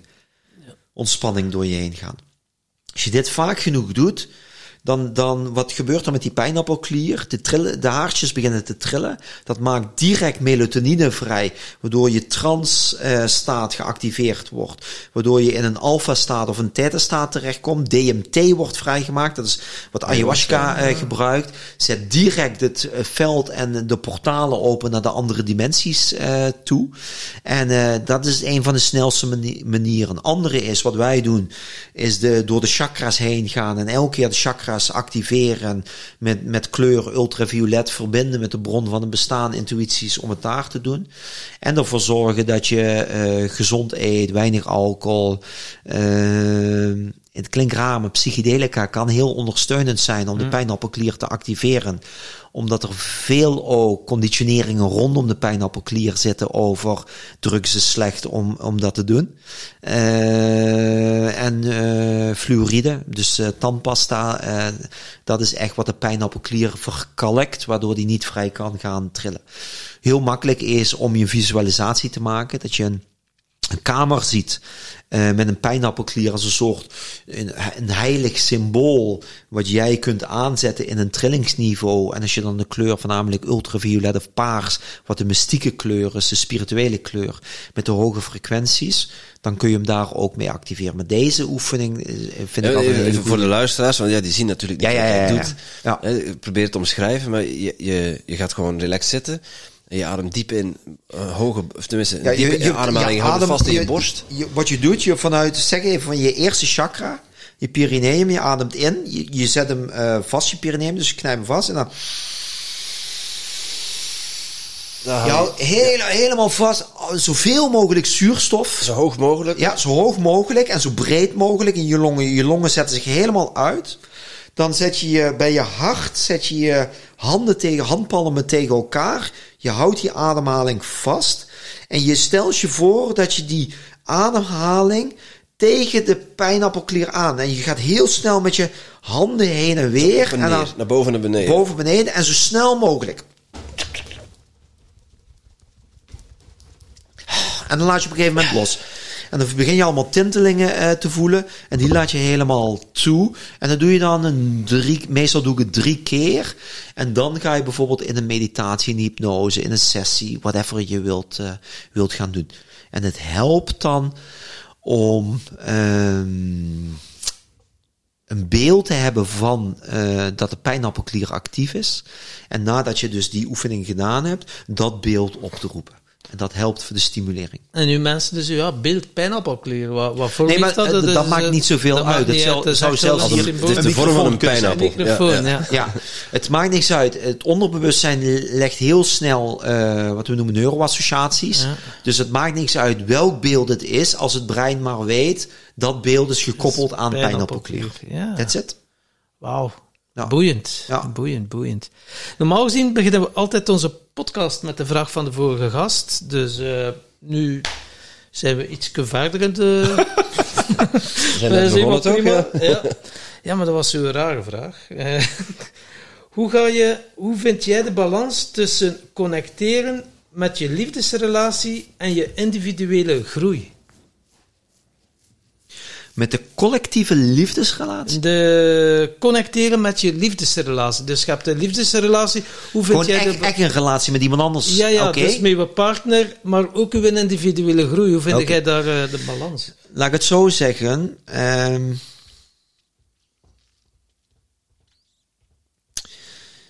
als ik naar mijn relatie kijk, dan laten we, er zijn er gewoon twee individuen. Het belangrijkste is, is dat zij allebei hun eigen tijdslijn kunnen bewandelen. Helemaal vrij kunnen zijn in de dingen die ze willen laten doen. Vanuit daar, als je echt die vrijheid ervaart om jezelf te kunnen zijn, creëer je ik en ik is wij. Het start dan ook met het individuele proces van volledig liefde hebben voor jezelf. Als je liefde gaat vragen aan de ander, zit er een disbalans in de liefdesrelatie. Als die disbalans er zit, ga je hoop krijgen, krijg- ga je verwachtingen krijgen, ga je regels krijgen. En dan he- heeft dat altijd ergens invloed op de onderstroom van de relatie. En hoe harder je werkt aan jezelf, des te meer kwalitatief rijker wordt je liefdesrelatie. Nu, wat ik veel zie, is dat bijvoorbeeld mensen opeens bij ons in de opleiding komen en de partner wil niet mee ontwikkelen. Dus wat heb je? Ze hebben allebei een bepaald bewustzijnsniveau. Daarin hebben ze een framework gecreëerd. En dat is de relatie. En dat, vinden ze oké. En op een gegeven moment gaat de ander gaat in een ontwikkeling. Ze gaat in een, in een ander eh, groeiproces zitten. De kaders worden anders. Wat zie je dan vaak is dat de partner, de andere partner, terug omlaag wil brengen. Omdat dat hetgeen is wat een relatie is. Dat is waarom ik jou heb.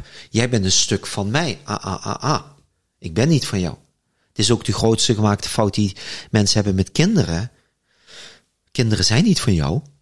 Het enige wat is, is dat de vrouw het kanaal is geweest voor de geboorte en het is een individu. Waarbij je de taak mag hebben om liefde te brengen, zodat uiteindelijk zelfstandigheid dat individu de wereld in kan. Maar het is niet jouw kind. Dat, het is niet jouw bezit. En dat is wat er vaak ook gebeurt dus met um, in een liefdesrelatie, dat je denkt in bezit, dat je denkt in materie. En ja, maar ik vind het eigenlijk niet fijn dat jij dat gaat doen. Nee, dat jij dat niet fijn vindt, is de relatie, de partner, de spiegel van jezelf, dat er nog een proces is.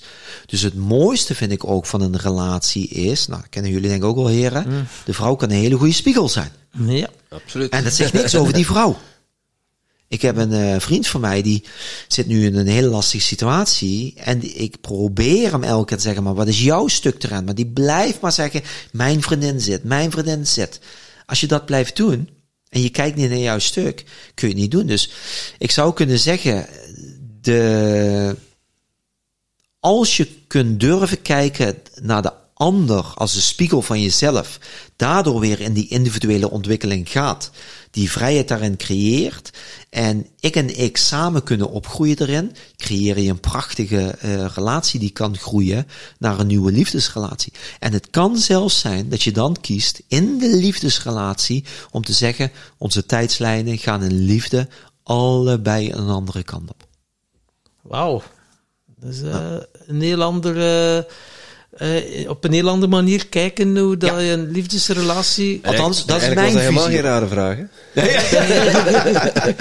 nee, maar ik, laat ik het zo zeggen. Ja, ik gun mijn vrouw uh, dat zij haar leven mag leven. Want als zij daar volledig gelukkig in is, inspireert zij mij daarin. En dat is ook in de opvoeding van de kinderen. De beste opvoeding van de kinderen is jouw ontwikkeling. Zodat je geen projectie neerlegt, maar dat jij je ontwikkelt op een gegeven moment kwam ik erachter, waarom zeg ik zo vaak nee tegen mijn kinderen? Maar het was gewoon een manier van, doen gewoon, papa mag dit? Nee. Ik denk, hè? Ga ik nou eigenlijk niet doen? Dus ik ging daarin, toen loste ik dat op, en ben ik veel meer ja gaan zeggen. En ook dat weer geeft mijn kind een ruimer speelveld, omdat de grenzen op, uh, oprekken. Ja, want ja, ik kan me wel voorstellen je begint wel een relatie dat dat nog niet uh, van in het begin zo is besproken. We gaan uh, ik, ik en uh, elk dus zijn zin. Ja, dat is dan ook door de jaren heen zo gekomen. En dat doe je door vooral te communiceren met elkaar, denk ik. Of heb jij dan zo van, ik weet het en ik ga het toch even op een subtiele manier... Even... Doorheen, ik ben natuurlijk wel expert, dat is waar. nee, nee, nee, nee, nee, nee. Kijk, elke dag stap je in een nieuwe relatie. Elke dag. Maar wat doen de meesten? Ze denken terug aan hoe ze gestart zijn en denken dat dat het framework is.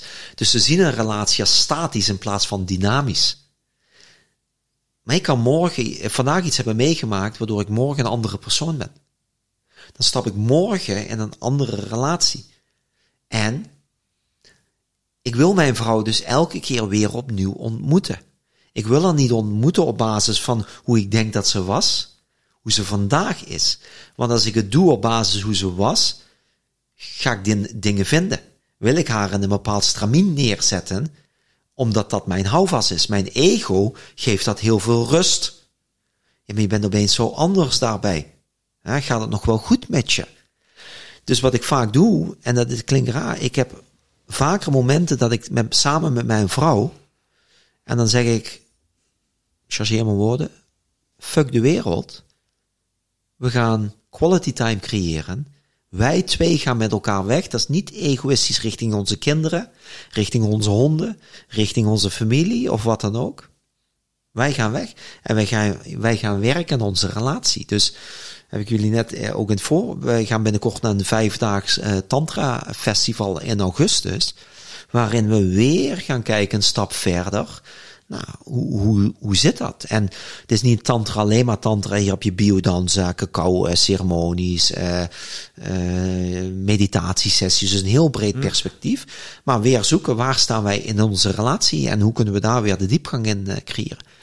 Dus een mooie relatie is elke dag werken aan je relatie. Ja, en zo met de kwantumhypnose. Elke dag een nieuwe relatie. Zei u, Elke, ja, elke dag heb je een nieuwe vrouw. Hoppa. zei uw vrouw dan dus ja, ja, met uw kwantumhypnose, dat je dat dan gaat misbruiken en zo van, ja, ja, een andere tijdlijn en Nou, zo. nee, ja, ja, ja, ja, ja, nee. Want dat Het, denk ik. het, hele het hele leuke daarvan is, toen ik vroeger startte met hypnose, bij hypnose is het heel belangrijk van, goh, eh, is iemand ontvankelijk en staat iemand er toe om gehypnotiseerd te worden? Dus je hebt een bepaalde rol. Dus dan had ik wat geleerd op een, op een training. Zeg, schat, ik moet even wat bij je oefenen. Dus ik kijk haar aan de ogen, ik pak haar handen zo vast en ik trek aan die hand, dat noemen we een shockinductie. Ik zeg, slaap! En ze kijkt me met ogen open aan en ze begint me gewoon uit te lachen. ik denk, ja, shit, wat is dit nu eh, weer? Dus ik denk, waarom gaat dat nu fout? Maar zij ziet me niet als hypnotiseur. Ik ben haar partner op dat moment. En later kwamen we wel in de fase dat, dat nou, hypnose eh, ben ik, ben ik goed in. Dat, dat ze naar mij toe kwam en zegt, schat, ik zit ergens mee. Wil je me helpen? En, maar dan gaat ze mij als hypnotiseur zien. We zitten nu in de fase dat ik naar hypnose, naar de kwantumhypnose ben toegegaan. Eh ze deed eerst niks, nu doet ze alle kwantumhypnoses mee. Dus ik kan helaas niet meer eh, dingen doen. Maar het is afgelopen week zo geweest dat ik op de bank leg, lag. En dat zij mij hypnotiseerde. Dus het zou andersom kunnen zijn dat zij nu alles bij mij op de tijdslijn neer aan het zetten is wat er moet gaan gebeuren. Maar wat, wat ik heel mooi vind is, ik push haar niet dat ze dit moet gaan doen. Zij voelt, ze heeft eerst een shamanistische opleiding gedaan. Daar voelt ze de kracht van de natuur en dat dit iets biedt. En we zijn allebei ons oude leven ook aan het ontstijgen. Om op zoek te gaan. Ja, wat is die sprankeling in dat, in dat leven? Hoe kunnen we op een andere manier ons leven inzetten?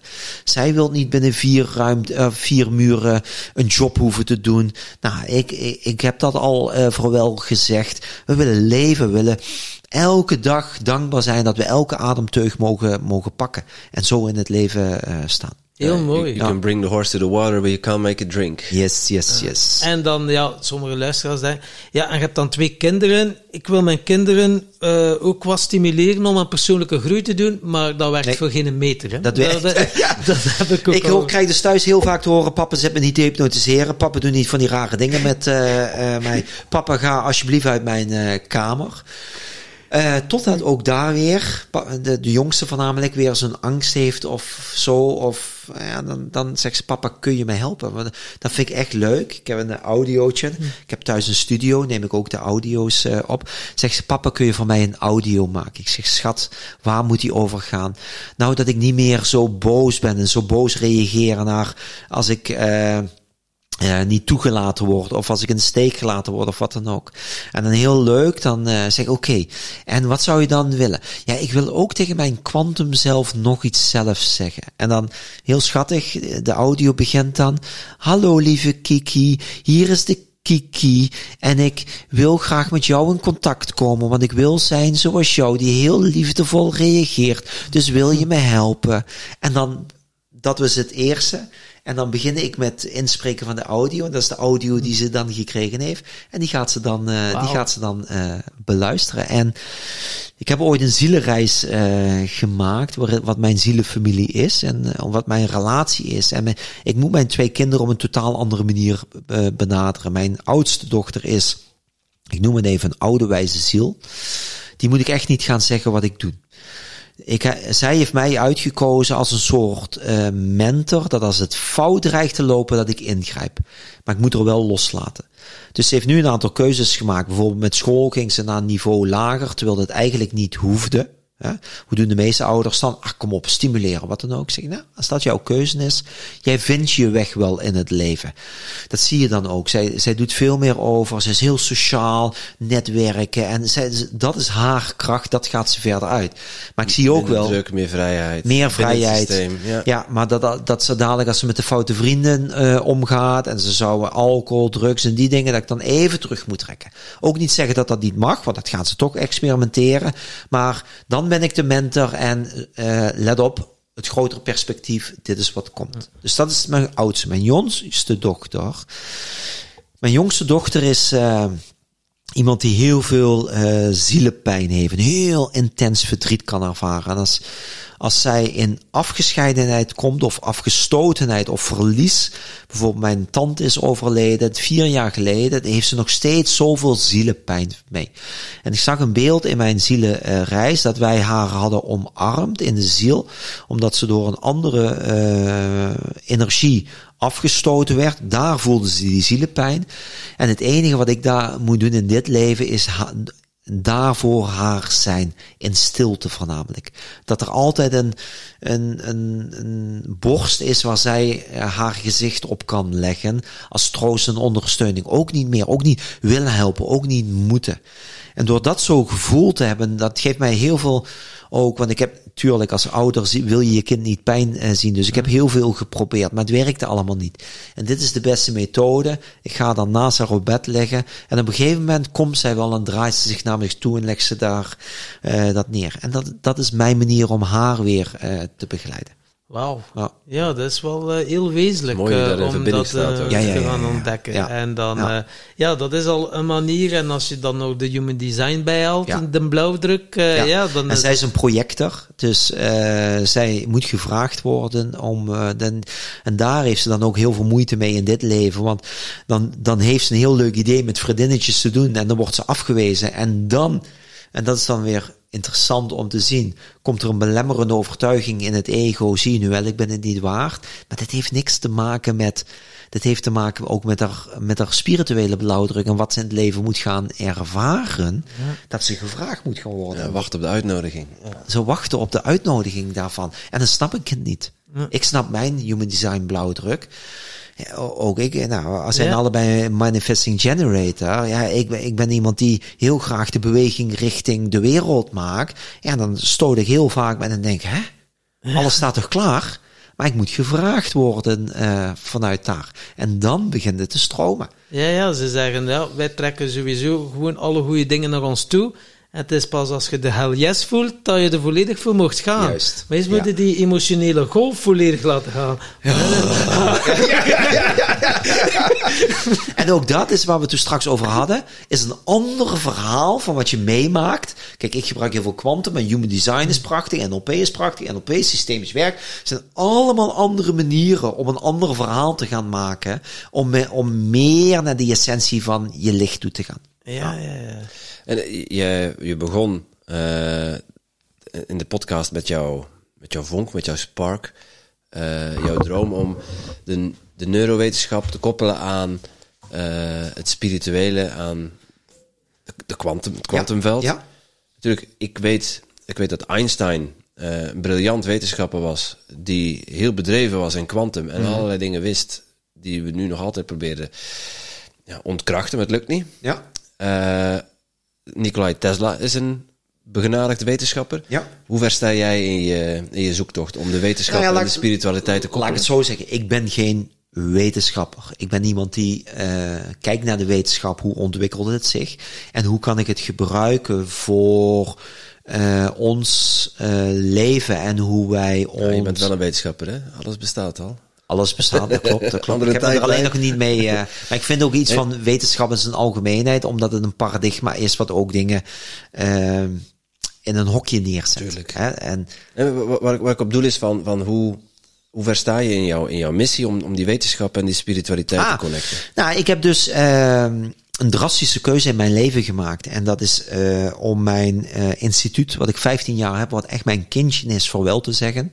Het is nog steeds mijn bedrijf, maar operationeel doe ik helemaal niks meer. En ik eh, ben in het diepe gesprongen om alleen nog maar te werken met quantum hypnose en quantum timeline jumpen. En ik heb tot- Enkel, enkel alleen maar dat. Alle, enkel alleen maar dat. En wat heel leuk is daarin, daar geef ik training in, daar coach ik mensen nu in. Maar er ontstaan ook nieuwe projecten. En ik zal wat vertellen over die projecten. En dan kun je ook een beetje waar, waar sta ik op dat moment.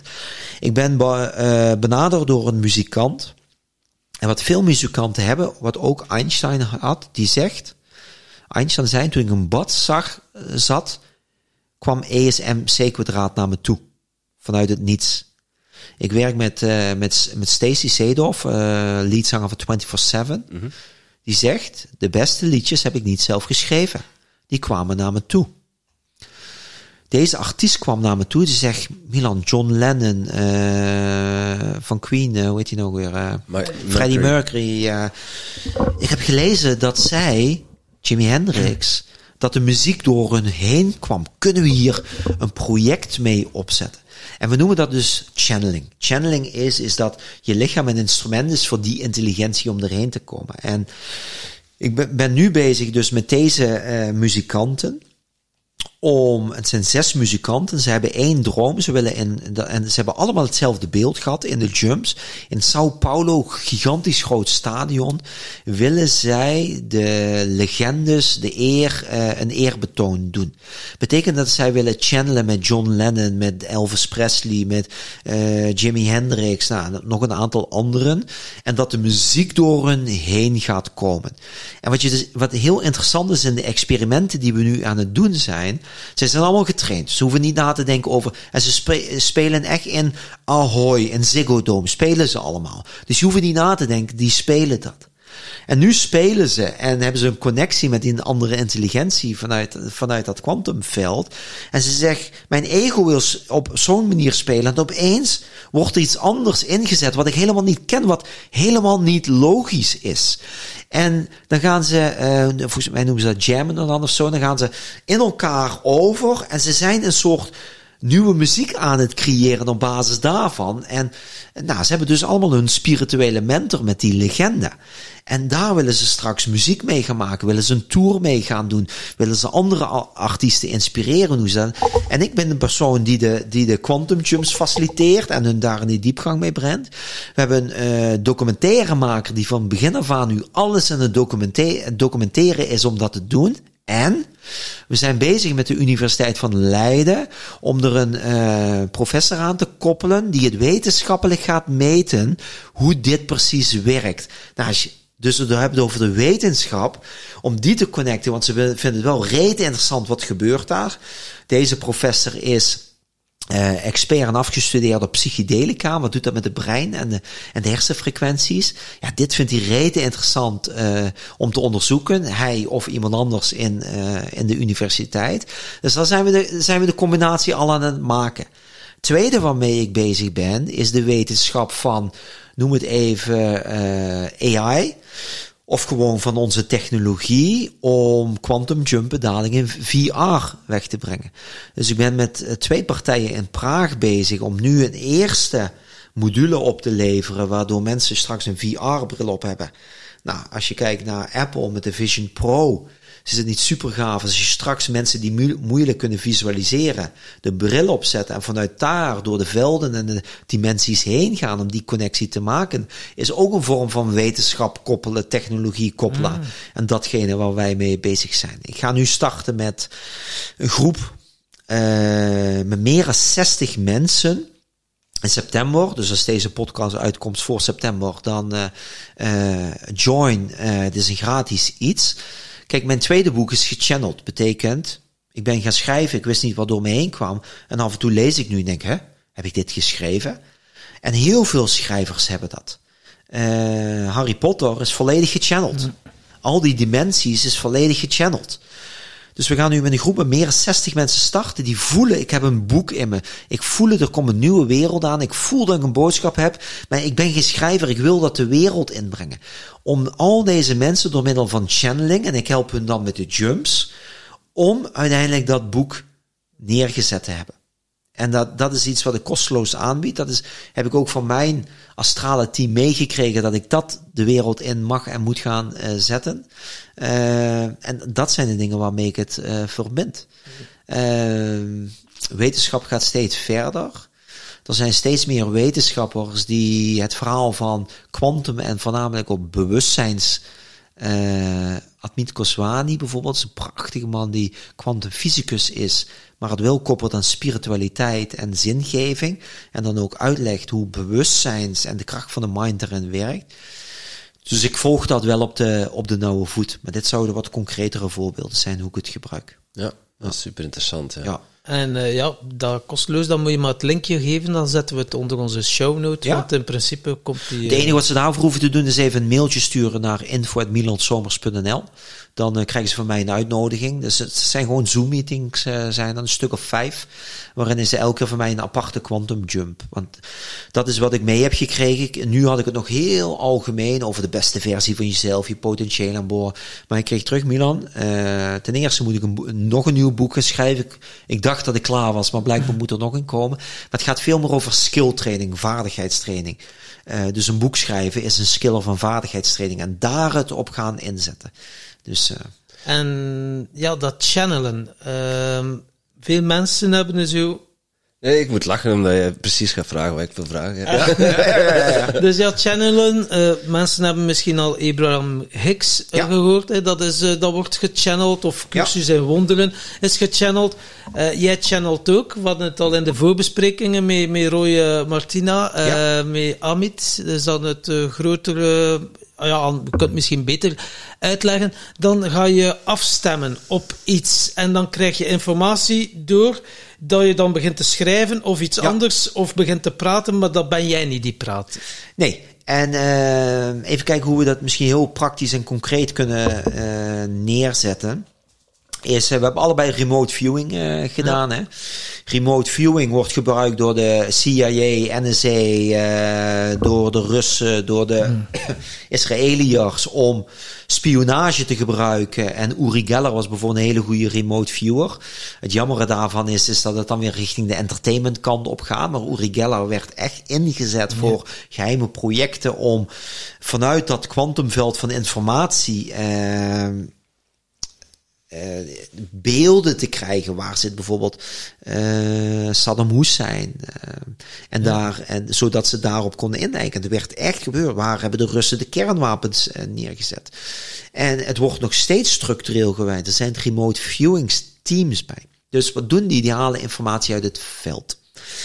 Nou, je moet ervan uitgaan dat alles is energie. Als jij doodgaat, sterft je lichaam, maar jouw frequentie blijft bestaan. Er is één wet in kwantum, energie gaat nooit verloren. Dus al die energie is aanwezig. Ehm, dus wat doe je?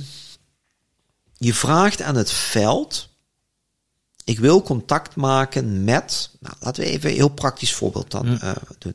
Ik zit samen met eh, Roy Martine, met Stacy Seedorf, zijn wij de Quantum Timeline Travelers.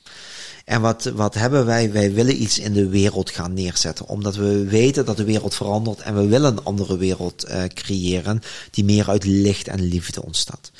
Nu was ik met Roy in januari, was ik in, in eh, India op een retreat, eh, werken aan onszelf. Dus we eh channelden, dus we brachten elkaar de hele tijd onder hypnose.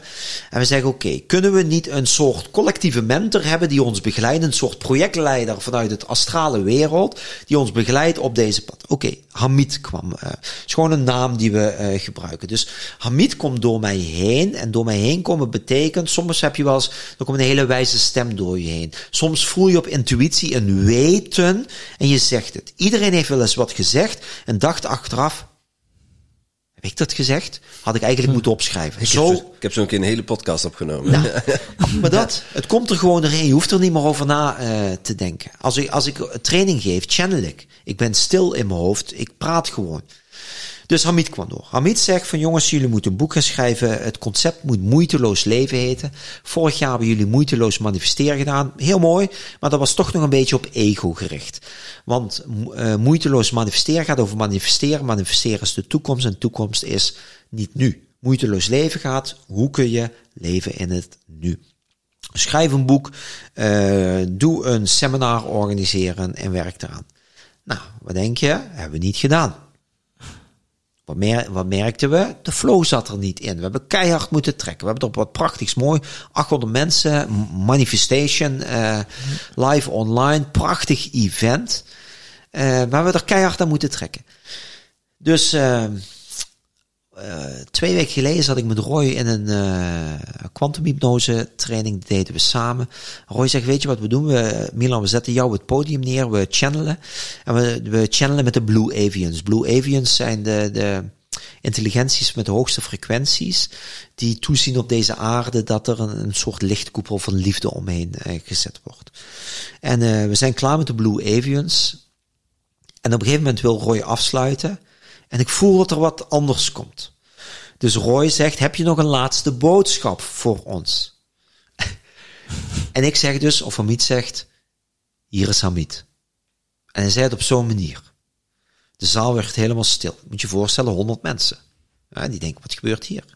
Roy is mij aan het hypnotiseren. Ik kijk met mijn ogen dicht, kijk, kijk ik Roy aan. En uh, Roy zegt, hallo Hamid, heb je nog een boodschap voor ons? En Hamid zegt, jullie zijn de stelletje klootzak.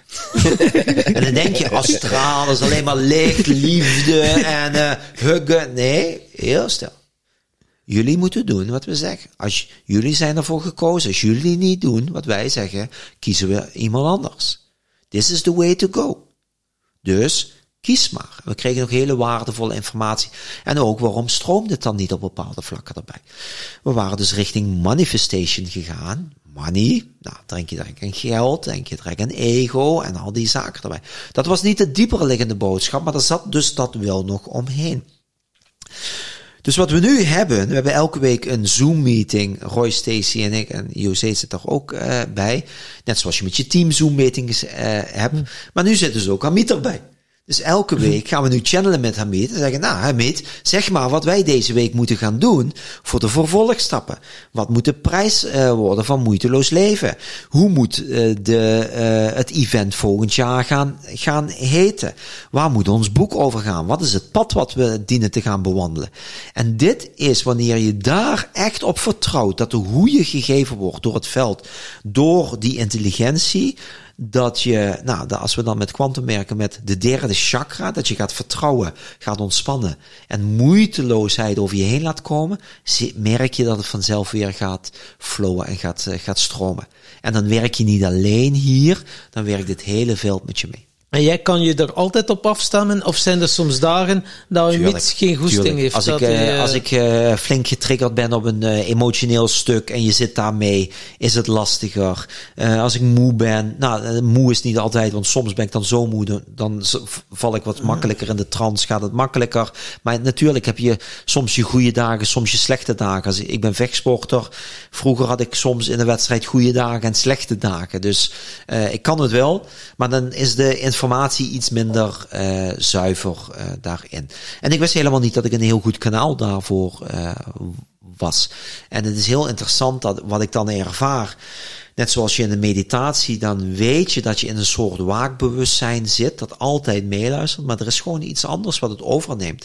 En ik weet bij mij dat het werkt als mijn lichaam overgenomen wordt. Mijn lichaam gaat dan, mijn nek voornamelijk allemaal rare bewegingen uh, maken. Af en toe krijg ik een shockmomentje. Nou, dan, dan weet ik hier, wat dat hier gebeurt, niet van mijn ego en van mezelf. Uh, ja, je, je, maakt het wel bewust. Ja. Je bent je er wel bewust van. Ja, je, ik, ik ben er bewust uh, van. Je hebt ook mensen die er helemaal niet bewust van zijn. Dat noemen we somnabulistisch zijn, de diepste staat van hypnose. Die komen er dan terug en die weten God niet meer wat er gezegd is. En er was één gave die we gedaan hebben met de goddelijke vonk. Uh, daar hebben we ook een beeld uh, staan op video. Vroegen we de goddelijke vonk, wil jij dit lichaam in bezit nemen om met ons te kunnen communiceren? En wat merk je te doen? De goddelijke vonk is zeg maar de afsplitsing van de bron, van de eenheid, met de hoogste frequenties. Dus die goddelijke vonk die kwam erin en je, alleen maar dit gebeurde. En de luisteraars zien niet meer, dus zal even zeggen wat er gebeurt. Het gezicht ging helemaal dit. Dit werd. Ah, dus het gezicht, de uh, gekke bekken werden getrokken en uh, alleen maar dat. En de goddelijke vonk had zoveel moeite om in dat lichaam te komen, wat hier helemaal ja, samengeperst is door onze zwaartekracht. Dus we hebben die goddelijke vonk hebben we moeten helpen om bezit te kunnen nemen over de stem van de persoon. Want als je channelt, kun je op verschillende manieren channelen dan even. Je hebt uh, vocal, dus op stem. Je hebt full body, het, het, lichaam wordt overgenomen. Er is een hele mooie van... Uh, uh, hoe heet die van de Truman Show? Uh, Jimmy... Uh, Jim Carrey. Jim Carrey. Ja. Dat is een hele mooie documentaire waarin hij op Netflix iemand anders gaat spelen. Een komiek. En dat die volledig die komiek en dat het echt eng is en dat die dingen soms zegt die niemand weet. En van de familie zegt dan, dat kun jij niet weten. Hij is één geworden. Hij is een kanaal geworden voor die persoon weer. Super gaaf op Netflix om te kijken. Dus, uh, dus dat is de full body channeling. En je hebt natuurlijk journaling. Je begint gewoon te schrijven, je laat je hogere zelf, je hart laat je schrijven wat er uitkomt. Dus deze persoon die zat daar, de goddelijke vonk er doorheen komen. En uh, op een gegeven moment kwam die door, doorheen, prachtige mooie. En er werd zelfs gezegd, er is hier iemand in de zaal die een ziektebeeld heeft, waarvan ze denkt dat het is, maar dat nog niet heeft laten onderzoeken. Laat het zo snel mogelijk onderzoeken. En die persoon kwam later terug, die vroeg aan die persoon van, goh, weet je misschien ergens waar? Ja, het zit op de keel. Boom, ja, het zit bij mij op de keel. En uiteindelijk werd dat, werd dat geconstateerd. En, maar die, die persoon kwam daarna dus weer terug uit die hypnose, wist helemaal niks meer. Volledig somnambulistisch. En dat gebeurt bij een full body channeling, als het lichaam helemaal wordt overgenomen. is een prachtig uh, video van een Italiaan uit de jaren 80, denk ik. Althans, dat is de video kwaliteit. Uh, die helemaal wordt overgenomen door Leonardo da Vinci of wat dan ook. En de tekeningen exact zo maakt. Dus die is daar een kanaal voor. En we hebben uh, in module 3, die start ook in september van de kwantumhypnose, doen we niks anders dan channeling, channeling, channeling met andere intelligentievormen, met verschillende kwantum zelf, maar ook met krachtdieren, uh, ook met intelligente vormen. Nikola Tesla, Einstein komt vaak uh, terug, Dolores Cannis, de Blue Avians, allemaal intelligentievormen die hier op aarde ons willen helpen om door deze duistere tijd heen te gaan. en zelfs naar andere dimensies. En ook uh, aliens, je had het in het begin over, ja. Of je nu wel of niet gelooft uh, dat ze er zijn. Het is egoïstisch om te geloven dat ze er niet zijn. Ja, dus misschien zijn we er zelf wel. Uh, en zijn wij, wij zelf die het gaan doen. En dat, daar was, sprak pas geleden een wetenschapper, een natuurkundige, die, die werd de vraag gesteld, hoeveel hebben wij van het universum onderzocht? Je zegt, nou, pak een klein glaasje met water, doe dat in de zee. En al het water op de aarde is het universum. En datgene wat in je glaasje zit, hebben we onderzocht. Ja, nadat je het leeggegoten hebt, hè? Uh, nadat je het... Ja, ja, ja, oh, dat was ook nog een keer. Nadat, Oké, okay, dat wist ik dan niet. Die druppels die erin hangen. Die, die is onderzocht. Dat is wat we weten. Nou, maar dat is dus zo weinig. En uh, we deden pas geleden een channeling. En dat was een hele interessante channeling. Dat ging dan over...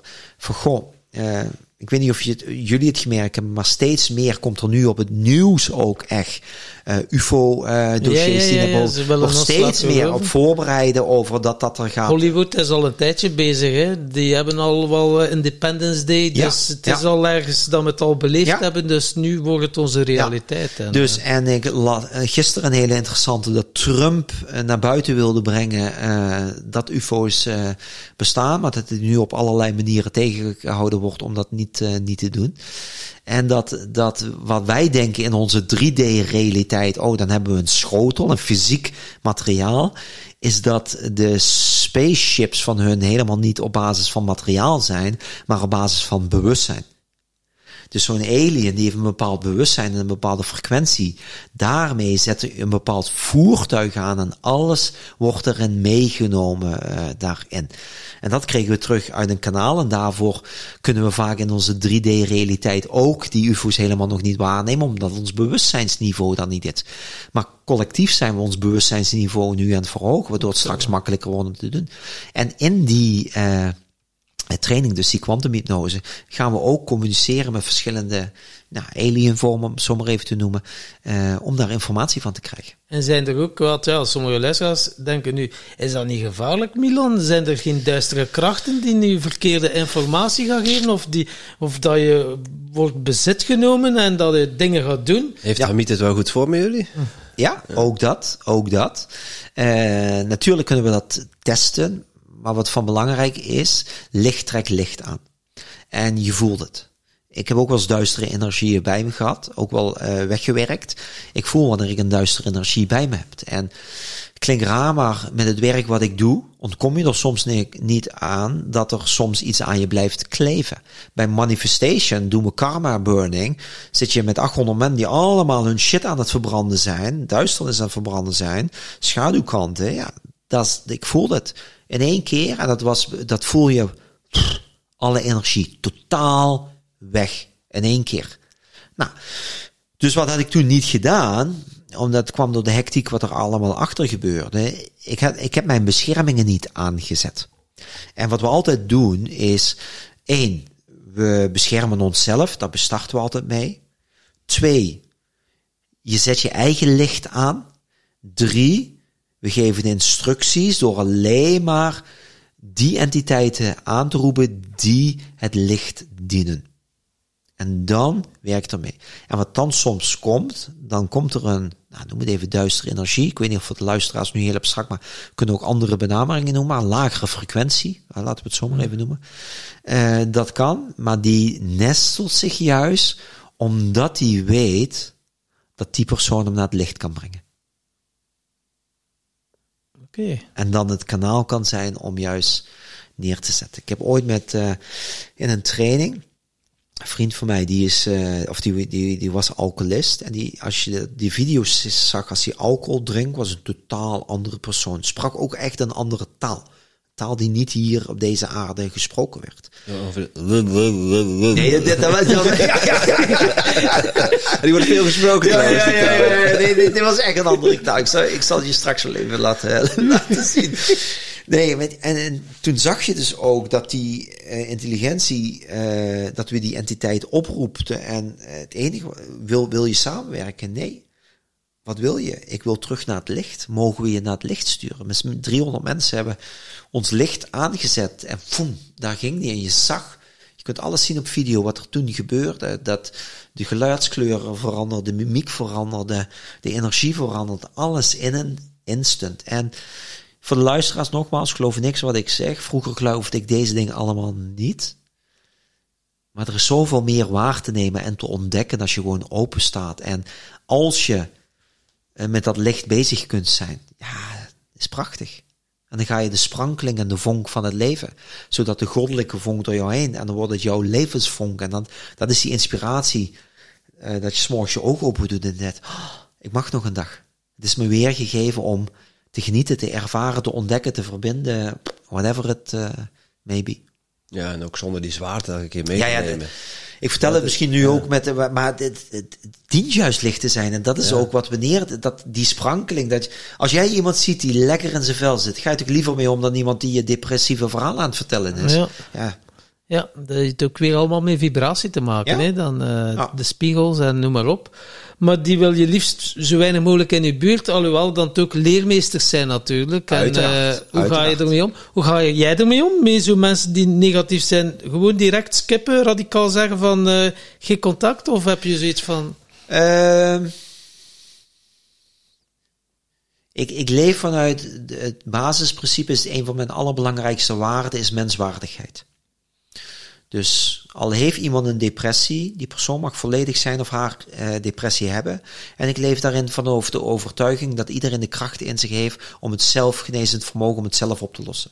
Dus ik wil het ook niet oplossen.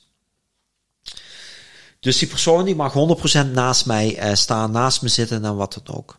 Deze week uh,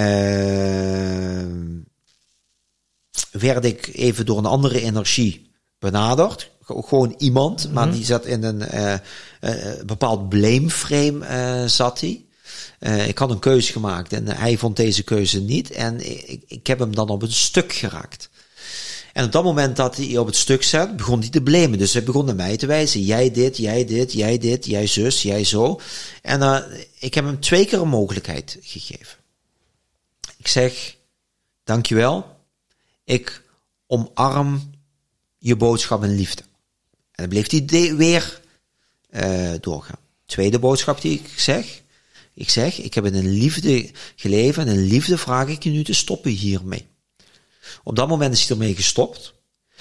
Maar zou die daarmee zijn doorgegaan, is dat voor mij het moment oké. Ja. Als iemand in zijn pijn, slachtoffer, Eckhart Tolle in zijn pijnlichaam zit, en dit is wat mensen doen, dan zijn het de anderen die daarvan schuld. Ja, daar kan ik niet in mee. Maar iedereen mag zijn eigen blokkades hebben. Ik heb ook nog gewoon steeds mijn blokkades waar ik aan mag werken. Iedereen mag zijn hebben en houden daarin hebben. Ja. Ja, ik vind het wel mooi dat je dat zegt, van iedereen heeft zijn eigen blokkades. en ja, je, je mag ze meenemen. Ja. Net als, net als dat je vertelt van die, van die Je moet ze niet mee, je mag ze meenemen. Mag ze meenemen. En wat je vertelt van die relatie, van hey, ik heb iedere dag een nieuwe relatie, maar je bent ook iedere dag een nieuw persoon vanuit die optiek. Juist. En wat voor zwaarte mensen allemaal meesleuren uit het verleden. Ja, ik zelf in kluis, hè, hè, wat voor verhalen je er allemaal bij verzint en hoe je het helemaal opblaast. Ja, het is niet dat je daar heel vrolijk van wordt, hè? Nee, en eh, dat heeft de, dus te maken met dat verhaal en het ego wat alles in stand houdt. En mens, mensen willen gewoon continu zichzelf bewijzen dat dat nog zo is. Want het ego gaat alleen maar op zoek naar zichzelf. That, that's it. Ik ben depressief. Als je slaapt ben je niet depressief. Ik ben een roker. Als je slaapt ben je geen roker. Dan slaap je. Ik vraag mensen dan wel eens, met een reguliere hypnose doe ik niet meer, van goh, hoe lang kun je zonder sigaret? En ze zeggen ze, ja, ik denk eh tien minuten, een half uurtje. Ik zeg dus oké, elke half uur sta je op s'nachts om een sigaret te gaan roken. Nee, het zijn niks anders dan patronen, mechanismes die mensen hebben in stand houden. En omdat ze niet weten dat het patronen en mechanismes zijn, zijn ze het. Dus een overtuiging is maar een overtuiging als je het ziet dat als een overtuiging. Anders is het je waarheid. Dus je moet eruit stappen om het te kunnen zien. Ja. Je begrijpt pas als je het begrijpt. Ja. Ja? Je bent wakker als je wakker bent. En anders slaap je. En dan wordt de nieuwe realiteit, hè? dan is er zo'n soort paradigma shift. Dan Ja. heb je zoiets van, wow, wat heb ik mezelf altijd gedaan? Ja, ik heb ook eh, jaren verslaafd geweest. Maar nu, als ik erop terugkijk, oké, het zijn mooie leermomenten geweest. En denk ik van, my god, wat was ik dan met mijn gedachten? Maar ja, het onbewuste, pijn verdoven, vluchten, noem het maar Ja. op. Ja. Tot wanneer dat je tot besef komt van, ja, dat, dat helpt mij niet meer. Dat maakt mij gewoon heel destructief. Ja. Maar dat is dan het inzicht of het aha-moment. En, ja. ja. Nou ja, het, het is dus, je zou kunnen zien, je slaapt, je bent in trance, je wordt wakker, je komt uit de trance. Maar uit die trance komen, wakker zijn, is een nieuw niveau van een slaap zijn. En dan blijf je weer in slaap, tot je daar weer wakker uit wordt, uit de trance gaat. En zo bouw je je bewustzijnsontwikkeling door steeds meer, wat we noemen de metapositie, steeds meer vanuit dat hogere perspectief te gaan. En ik weet dat nog altijd dat mijn trainer tegen mij zei, eh Erik Schneider, die zei tegen mij, Milan, let op als je het pad van spirituele ontwikkeling opgaat, want het kan een heel eenzaam pad zijn. Dat kan het pad zijn dat als jij de berg omhoog loopt, dat niet iedereen meer meeloopt. En als je het pad van de ontwikkeling de berg oploopt, wordt het zwaarder en zwaarder. Lucht wordt eiler, het wordt steiler en wat dan ook. En als je op de top bent, kan het zijn dat je daar alleen bent. En wat doen veel mensen? Mensen die van onderaan de berg schreeuwen dan over hoe het landschap is. Maar ze zien maar een bepaald perspectief van dat landschap. Maar als jij op de punt bent, zie je alles daarvan. En dat is dus het pad door, hier slaap ik, hier moet ik weer wakker worden, mezelf bekrachtigen om de volgende stap te gaan maken in mijn sprong. En zo stijg ik daar, uh, daar naartoe. Mooi, mooie metafoor. Ja, mooi gezegd. Ja, en als je op die top zit, dan zal je ook wel geluk ervaren en succes ervaren. Ja, en het kan zijn dat je eenzaamheid ervaart, maar ook, en dan is het waarschijnlijk geen eenzaamheid. Dan is, is het daarbij aanwezig kunnen zijn en dat kunnen omarmen voor jezelf. Ja, en onze podcast gaat niet over eenzaamheid, maar wel over geluk en succes. En uh, wat betekent voor jou uh, geluk? Wat is jouw definitie van geluk? Ik vind dat altijd zo'n containerbegrip uh, ja. geluk. Geluk is voor mij niet meer een ander dan een gevoel. En ik ben niet dagelijks bezig, ben ik gelukkig ja of nee? Ben ik bezig met de dingen die ik leuk vind om te doen? Doe ik het met passie, doe ik het met energie, zit ik in mijn flow? En als ik in mijn flow ben, is dat blijkbaar gelukkig uh, zijn. Dus geluk is voor mij veel meer een woord, maar dat, wat daarvoor in mij belangrijk is, als ik mij kan verbinden met mijzelf, en dat is ook wat mijn missie is in mijn leven, dat zeggen de boeddhisten, dat is de Maitri, de onvoorwaardelijke vriendschap met jezelf kunnen sluiten. Als ik die verbinding met mezelf heb en ik voel me thuis bij mezelf, en vanuit daar de verbinding kan maken met de mensen om me heen, met het leven om me heen, uh, is, is dat voor mij denk ik een expressie van, uh, van geluk. Maar het gaat veel meer over van wat is de relatie met mij, mijzelf en Hele dat is ook mooie, wat ik iedereen gun. Onvoorwaardelijke Ja, vriendschap met mezelf sluiten. Wauw, Ja. die komt wel binnen. Ja. Ja. heel mooi. Ik heb nog een containerbegrip voor je, wat Ja. ik graag wil dat je eens eh, toelicht. Eh, Ja? Succes.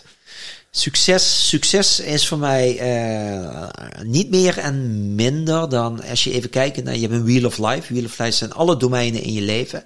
Nou, pak even werk en relatie. Ehm, wat wil je met je werk? En als dat een 10 is, nou super, dan ben je daar succesvol in. En voor de ene is een 10 zoveel mogelijk geld verdienen. Voor de andere is een 10 eh, het aanzicht omdat hij directeur geworden, geworden is. Voor de andere is werk omdat hij eh, ergens heel goed in is, zich kan opsluiten en daarmee bezig kan zijn. Dan kan een, je kunt een 10 op het werk hebben, een 2 in je relatie omdat je alleen maar met je werk bezig bent, omdat je dan een 10 wilt houden. De vraag is, ben je dan succesvol? Dus voor mij is succes veel meer van aan al die domeinen van je leven kun je daar leven in overvloed. En leven in overvloed is voor mij datgene wat je nodig hebt om je beste, mooiste, prachtigste, liefdevolste leven neer te kunnen zetten. En als je eh, eh, op het einde van je leven op je sterfbed ligt en je kijkt, dat je met glundering kunt terugkijken, want dan heb je het meest succesvolle leven daarin gecreëerd. En voor de ene succesvol leven dus een tien op mijn werk en twee op rela- relatie omdat het me niks brengt, omdat overvloed van liefde niet belangrijk voor je is. Nou, voor mij is het veel meer om daar balans in te, in te creëren waarbij ik overvloed van verbinding en liefde eh, de belangrijkste vind. Ja, prachtig. Ja. Ik heb de, net eh, zo'n quantum jump gedaan, eh, Milan. En eh, ja, onze luisteraars houden van cadeautjes. En ik zag u op een of andere manier zag ik cadeautjes uitdelen voor onze luisteraars. Of zat ik op een verkeerde tijdlijn?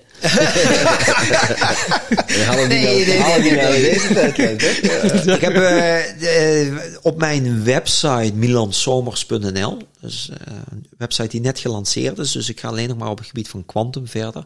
Er staat een gratis jump voor een onwankelbaar eh, vertrouwen in jezelf, zodat je één leert wat is quantum jumpen en die frequenties downloaden van je Quantum zelf, om die beste versie van jezelf eh, daarin te zijn. Dus je kunnen ze gratis downloaden. Oh, mooi. Nou, vinden ze dat interessant? Eh, mensen kunnen meedoen aan Quantum Books, dus ook een cadeautje daarbij. En als ze dat interessant vinden, heb ik een interessant programma. Dat is het Quantum MPM-programma van maximaal potentieel en moeiteloosheid. Nou, we hebben het net gehad over de domeinen in je leven. Eh, daar worden deze domeinen gedefinieerd.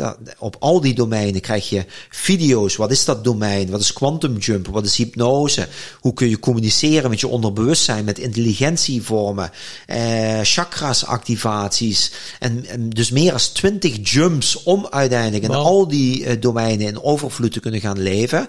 En dat is een product wat ze, wat ze kunnen aanschaffen. Maar dan zou ik zeggen, check eerst even of je die quantum jump, eh, die gratis is, eh, super vindt. En Of je die aan kan. Hè? of je, de- of je, nee, maar ook of het bij je past. En ik zeg altijd, doe hem minimaal drie keer. Zeg niet de eerste keer, eh, dit is niks. Je mind moet soms even wennen aan wat er allemaal gebeurt, want het is geen meditatie. Meditatie denken, oh, ik ga nu in rust, ik ga nu in ontspanning. Ik merk eh, niks. Maar hier kan het er heel snel aan toe gaan. Maar dat komt omdat je weer rechter herself activeren. En is die dan interessant, dan eh, hebben we het Quantum NPM eh, programma. En wat we ook hebben, en eh, jongens, die wil ik jullie eh, gratis aanbieden als jullie leuk vinden om dat te doen. In november heb ik een tweedaagse training, Quantum Timeline Jumpen, in, eh, in Rosmalen.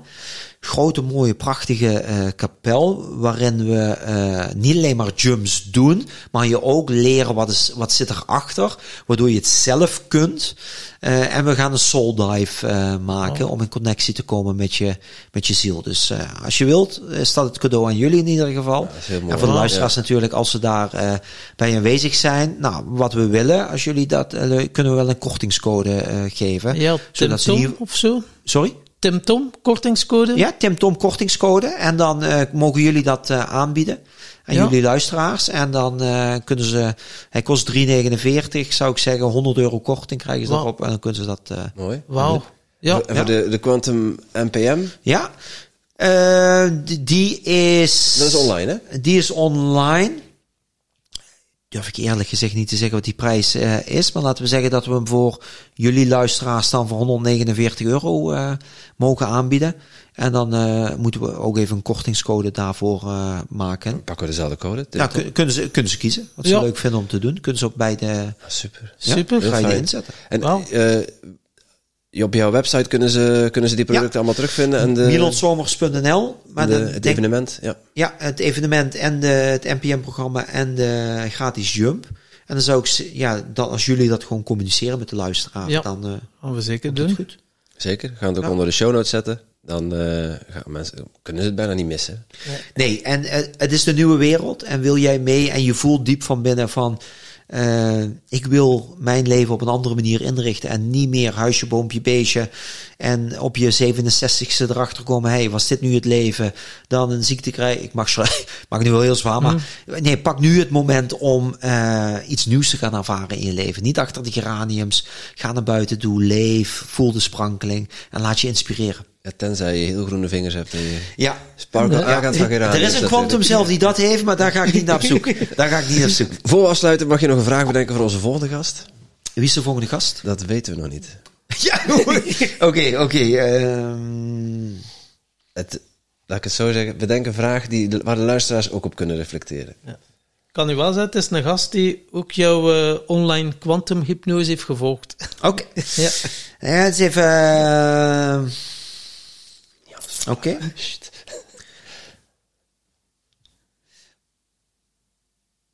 Wat houdt je tegen om in je allergrootste of in je grootsheid te stappen? En niet, hoeft niet wat nu, maar misschien ook, want de persoon is misschien al wat verder in datgene wat hij doet. Waar is hij tegenaan gelopen om uiteindelijk wel in de grootsheid te stappen? Wauw, ja. Hele mooie vraag. Is er nog iets wat jou tegenhoudt om in je grootheid te stappen? Eh, ja, ik heb toevallig eh, gisteren nog eh, een sessie van iemand gekregen. En er zat nog een blokkade op mijn, op mijn hart. En waar, waar die mee van doen heeft. En ik heb, nu voelde ik gisteren die sleutel goed. Is er is mij altijd verteld dat ik eh, in de baarmoeder dat er een, eh, een tweelingziel eh, bij me zat die afgestoten is. Dus ik heb soms nog wel eens het gevoel dat ik alleen ben op die, op die wereld. En ik had de link nooit gemaakt dat dat een van mijn gidsen was. En gisteren heb ik de connectie hersteld dat het een van mijn gidsen is die me begeleidt. En dat ik ook met hem het is een hem mag channelen eh, daarbij en mag communiceren daarbij. Dus ik ga nu ervaren de komende periode wat dat gaat, eh gaat betekenen. onderzoeken. Ja. en dat was nog wel eens eh, dat af en toe nog eens een verkramping op, eh, op het hart zat, waardoor ik me soms afsloot. En ja, dat voelt nu vrij om eh, te laten stromen.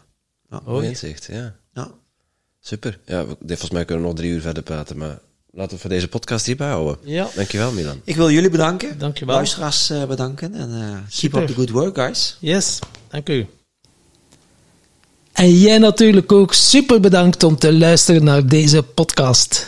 Voel jij je geïnspireerd? Je zou ons een enorm plezier doen door ons 5 sterren te geven of een review achter te laten in jouw favoriete podcast-app. En wil je geen enkel inspiratiemoment missen? Abonneer je dan op onze podcast of volg ons op social media at Tim Tom Podcast. Oké, dan moet je ook terug aan de Tom. Hè?